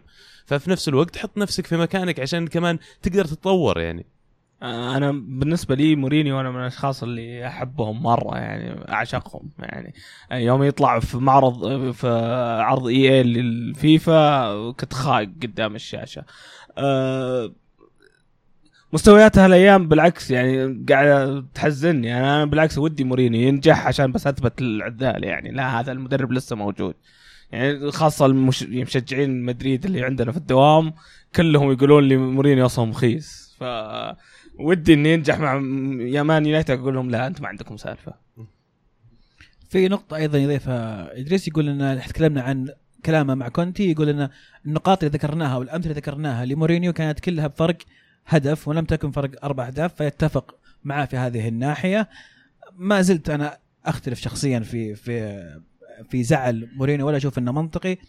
آه، في الأخير يقول آسف على الإطالة لكن الكلام زاد على Special One وكان لازم واحد يرد عليكم. لا لا لحظة. ال self-proclaimed Special One اللي سمى نفسه Special One معليش. طبعا هاي شخصيته هو يعني. أنا شخصيته ما تعجبني لكن ما أنكر إنه تكتيكيا الرجل ممتاز. إلى أن يترك آه، طيب إذا هو. ممتاز كيف تقيم سيميوني مثلا؟ وش تركت لل- للمراتب اللي أعلى مثلا؟ وش تركت للمدربين اللي فعلا قاعدين يقدمون؟ على الرغم خلينا نقول إن كرة القدم عندهم متحفظة بعض الشيء يعتمدون على الدفاع بشكل أكبر لكن على الأقل قاعدين يحاولون يقدمون كرة جميلة. مورينيو لا مورينيو عكس هذا يحاول أي فريق يلعب ضده يلعب كرة مثلا قدم مفتوحة لا كيف تعطله؟ كيف تلعب ست لاعبين دفاع وثلاثة وسط ضد ليفربول؟ كيف العقلية شوي انهزامية أنا أحس يعني. مؤخرا. أنا أشوف إنه قبل ما كان. كذا. واللي صار إنه زي ما قلت أنت ما غير تكتيكه. مستمر على شيء قديم. ولا أول ترجع مبارياته كان عنده تغ... مجرد إنه تغيير واحد يغير لك مجرى المباراة حتى بدون ما يغير لاعب. مجرد إنه ينادي فلان سوي كذا يعني ال- الرجل مقتدر ت... ت... يعني تكتيكيا.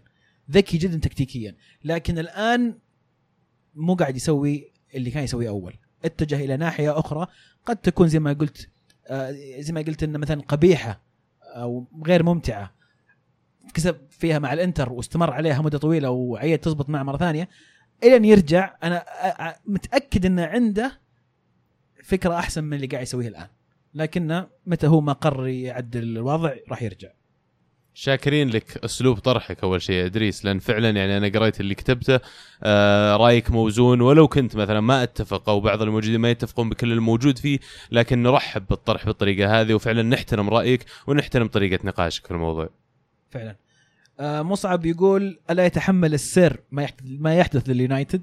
مسكين ألم- ألم يكن من الأفضل تسليم الفريق لمدرب كبير هادئ وغير صدامي كأنشيلوتي أو أليجري منذ البداية؟ تقاعد إيه، الرجال يا أختلف. معك خليه. مع أليجري شوي. آه لكن جزء بسيط يتحمل السر أليكس. آه لكن آه ما أحمله ال- ال- المشاكل ثلاث سنين هذه كلها. يعني أحمله مشكلة مويس فعلا وذاك الموسم لكن اللي بعده آه خلاص مو بمشكلته. فهد يقول جوارديولا ومورينيو قاعدين يحققون أسوأ أرقامهم مع أنديتهم الجديدة. هل هي مشكلة فيهم أو مشكلة عناصر؟ أو أن تكتيكهم صار معروف؟ جوارديولا ما أتفق آه، مورينيو يمكن عنده المشكلة هذه حاليا جوارديولا أتوقع يعني تحدي جديد قلناها إن دوري جديد وفريق جديد. ما هو زي المعتاد لكن مورينيو يعني آه ما نبغى نطول في السالفه زي ما قا- زي ما إيه. يعني أتوقع صعب إنك تقارن بين اثنينهم لأن واحد متصدر الدوري وماشي كويس والثاني بعيد رغم أنه تعثر يعني لكن أتوقع جوارديولا مشكلته أبسط بكثير من مشكلة بكثير مورينيو بكثير. يعني. حسن يسأل يقول متى ظهرت ظاهرة اللي يسجل هاتريك يسحب معاه الكورة؟ سؤال جيد بصراحة. سؤال جدا ممتاز. أتذكر قبل فترة يعني مو بعيدة اعتمدوا الفكرة هذه صح؟ والله ما أدري إذا كنت تعرف علمني. هي بدت إذا ما كنت غلطان بالكريكت أو البيسبول سموها هاتريك من القبعة. فكان الظاهر إذا سجل الواحد أو ضرب ثلاث ضربات اللي هي مثل الأهداف يعطونه مداخيل ال tickets اللي يجمعونها في القبعة. بدت هالكلام في 1850 الظاهر 1860 لكن أول واحد أخذ الكورة معه ماني بالضبط متأكد متى. نعيم يقول السلام عليكم. أنا ما عندي سؤال بس أبي أقول لكم ألف شكر على إبداعكم. شكرا لك يا نعيم. آه. بس عندي ملاحظة انها مو بمعقوله فقرة الدوري الألماني دقيقتين ونص بس. والله يا نعيم شوف إحنا يعني تطرقنا للموضوع هذا في بداية الحلقة يعني. لما يكون فريق زي البايرن قاعد يمشي ويجلد مع كل احترام الانديه الثانية صعب إنك تنتقد ما يحدث في الدوري الألماني يعني نقدر نتكلم عن دورتموند يمكن أكثر شوي تحس إنهم يعني فريق صغير في يعني في حركة في تغيرات نتكلم عن ليبزيج مثلا. مم. لكن في الأخير في فريق واحد قاعد يجلد ويعني ما أدري كم شخص متوقع إنه غير البايرن ياخذ الدوري. وهذا من الأسباب ترى اللي تركنا نغطي الدوري الفرنسي يعني. ما بالضبط. كان فيه أنا والله شكلي منافس نرجع. فرنسي. صاير في حماس. السنة صراحة بس آه، خافك يرجع بي إس جي ويرجع نفس السنة اللي فاتت. لا لا السنة دي آه، موناكو بيفوز بالدوري. موناكو. نيس نيس. بالوتيلي صدقني تونا بداية الموسم وبعدين مو بس كذا إيه. إحنا دائما نحاول نتكلم عن الأشياء الأحداث اللي قاعدة تصير شاطحة عكس العادة. بكرة القدم صح. عشان كذا مرات زي ما تكلمنا يزعلون مننا بعض جماهير الفرق الكبيرة. لأن إذا هو كل شيء قاعد يصير زي العادة business as usual بتتكلم عن يعني إيش بكلم إنه كمل يفوز لا بايرن للآن مستحوذ ومهيمن بشكل كامل على الدوري الألماني. ما في شيء فعلا تقدر تضيفه. عندهم فريق كامل. بترجع تعيد نفس الموضوع. مولر نجم الفريق إلى الآن. رجوع وخروج ريبيري وغيره وروبن من التشكيلة. مو قاعد يعمل حتى فرق بالنسبة لهم ما فرقت معاهم من يلعب. فيمكن أكثر شيء نقدر نحكي عنه إنه والله طلع عندهم واحد اسمه كيميتش صار فنان مثلا السنة الماضية. يعني لكن صدقني اليوم اللي لايبزيغ يعدي فيه بايرن ميونخ في الصدارة أبشر. بنفصفص الدوري ما تفصيل. ولا؟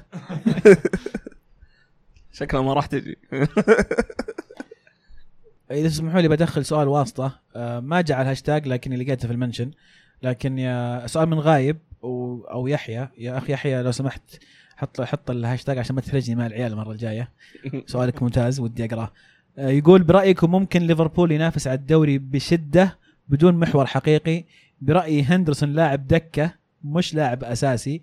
في فريق ينافس على اللقب. أتفق معك موضوع هندرسون. وأتوقع ليفربول قادر هذا الموسم إنه آه، ينافس على الدوري خاصة إنه برضو ما عنده الضغوط آه، ولا عنده ال- ال- ال- المشاركات الخارجية. وعنده فريق كويس وهجومي بس لو يضبط موضوع الدفاع عنده أتوقع إنه تصير حظوظه أكبر.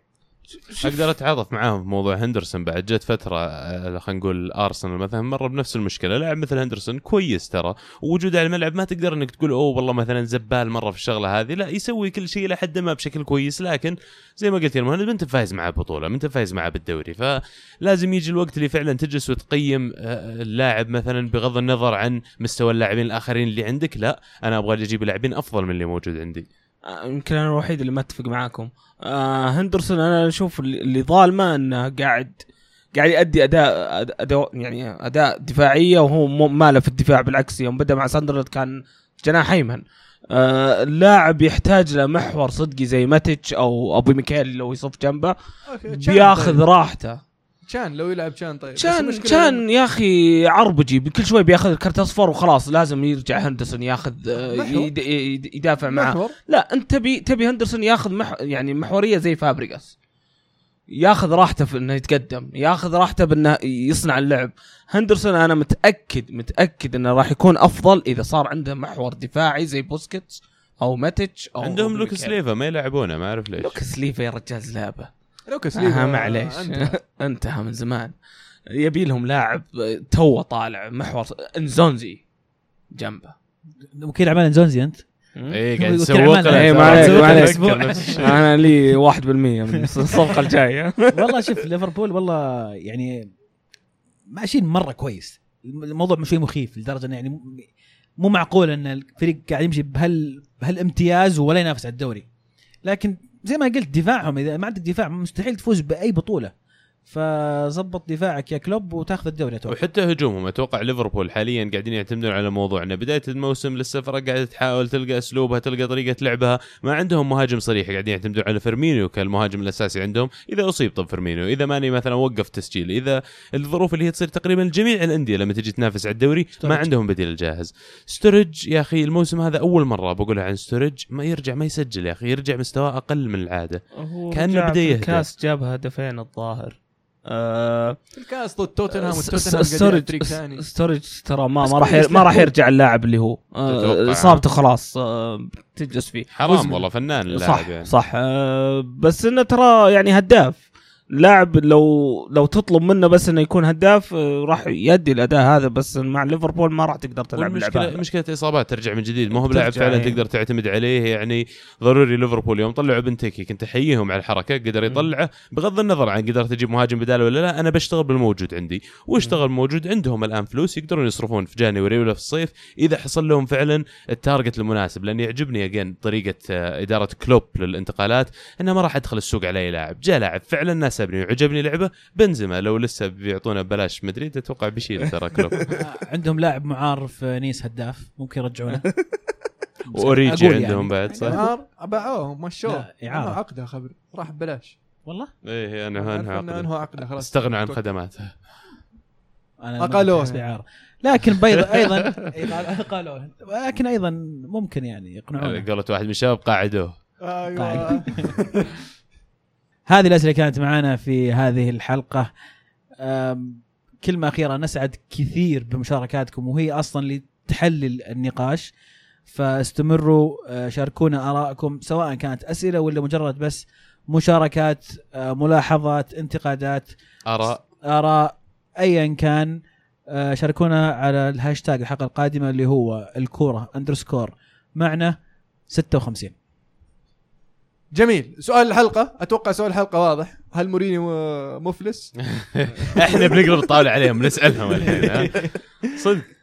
سؤال الحلقة هل مورينيو مفلس ولماذا اذا إذا إيه أو لا؟ آه، جولة الأسبوع القادم. جولة الأسبوع القادم في دوري التوقعات. نابولي لاتسيو لقاء بين الخامس والرابع في الدوري الإيطالي. ديربي شمال لندن ولا ديربي لندن؟ شمال لندن. ديربي شمال لندن بين أرسنال وتوتنهام. ولقاء كبير في أسبانيا بين إشبيليا وبرشلونة. جولة صعبة. جدا. بالتوفيق للجميع. عمر كيف Gamers Day؟ والله كان وناسة. أحب أشكر صراحة PlayStation على الدعوة والشباب اللي نظموا ال- المعرض. أه، أقول لكم تابعوا قناتنا على اليوتيوب راح ننزل فيديوهات كثيرة إن شاء الله هالأسبوع. already نزل فيديوين اللي هي البودكاست ولعب Mario Maker. ولا تنسون تشيكون على الموقع وبرضه subscribe وش الموقع؟ like share ألعاب dot net. ألعاب dot net. ألعاب dot net. جميل. في الختام أحب أشكركم أعزائي المستمعين على متابعتكم لنا ودعمكم لنا. لا تنسون تتابعونا على تويتر SoundCloud iTunes إنستغرام سناب شات. بقي شيء ولا؟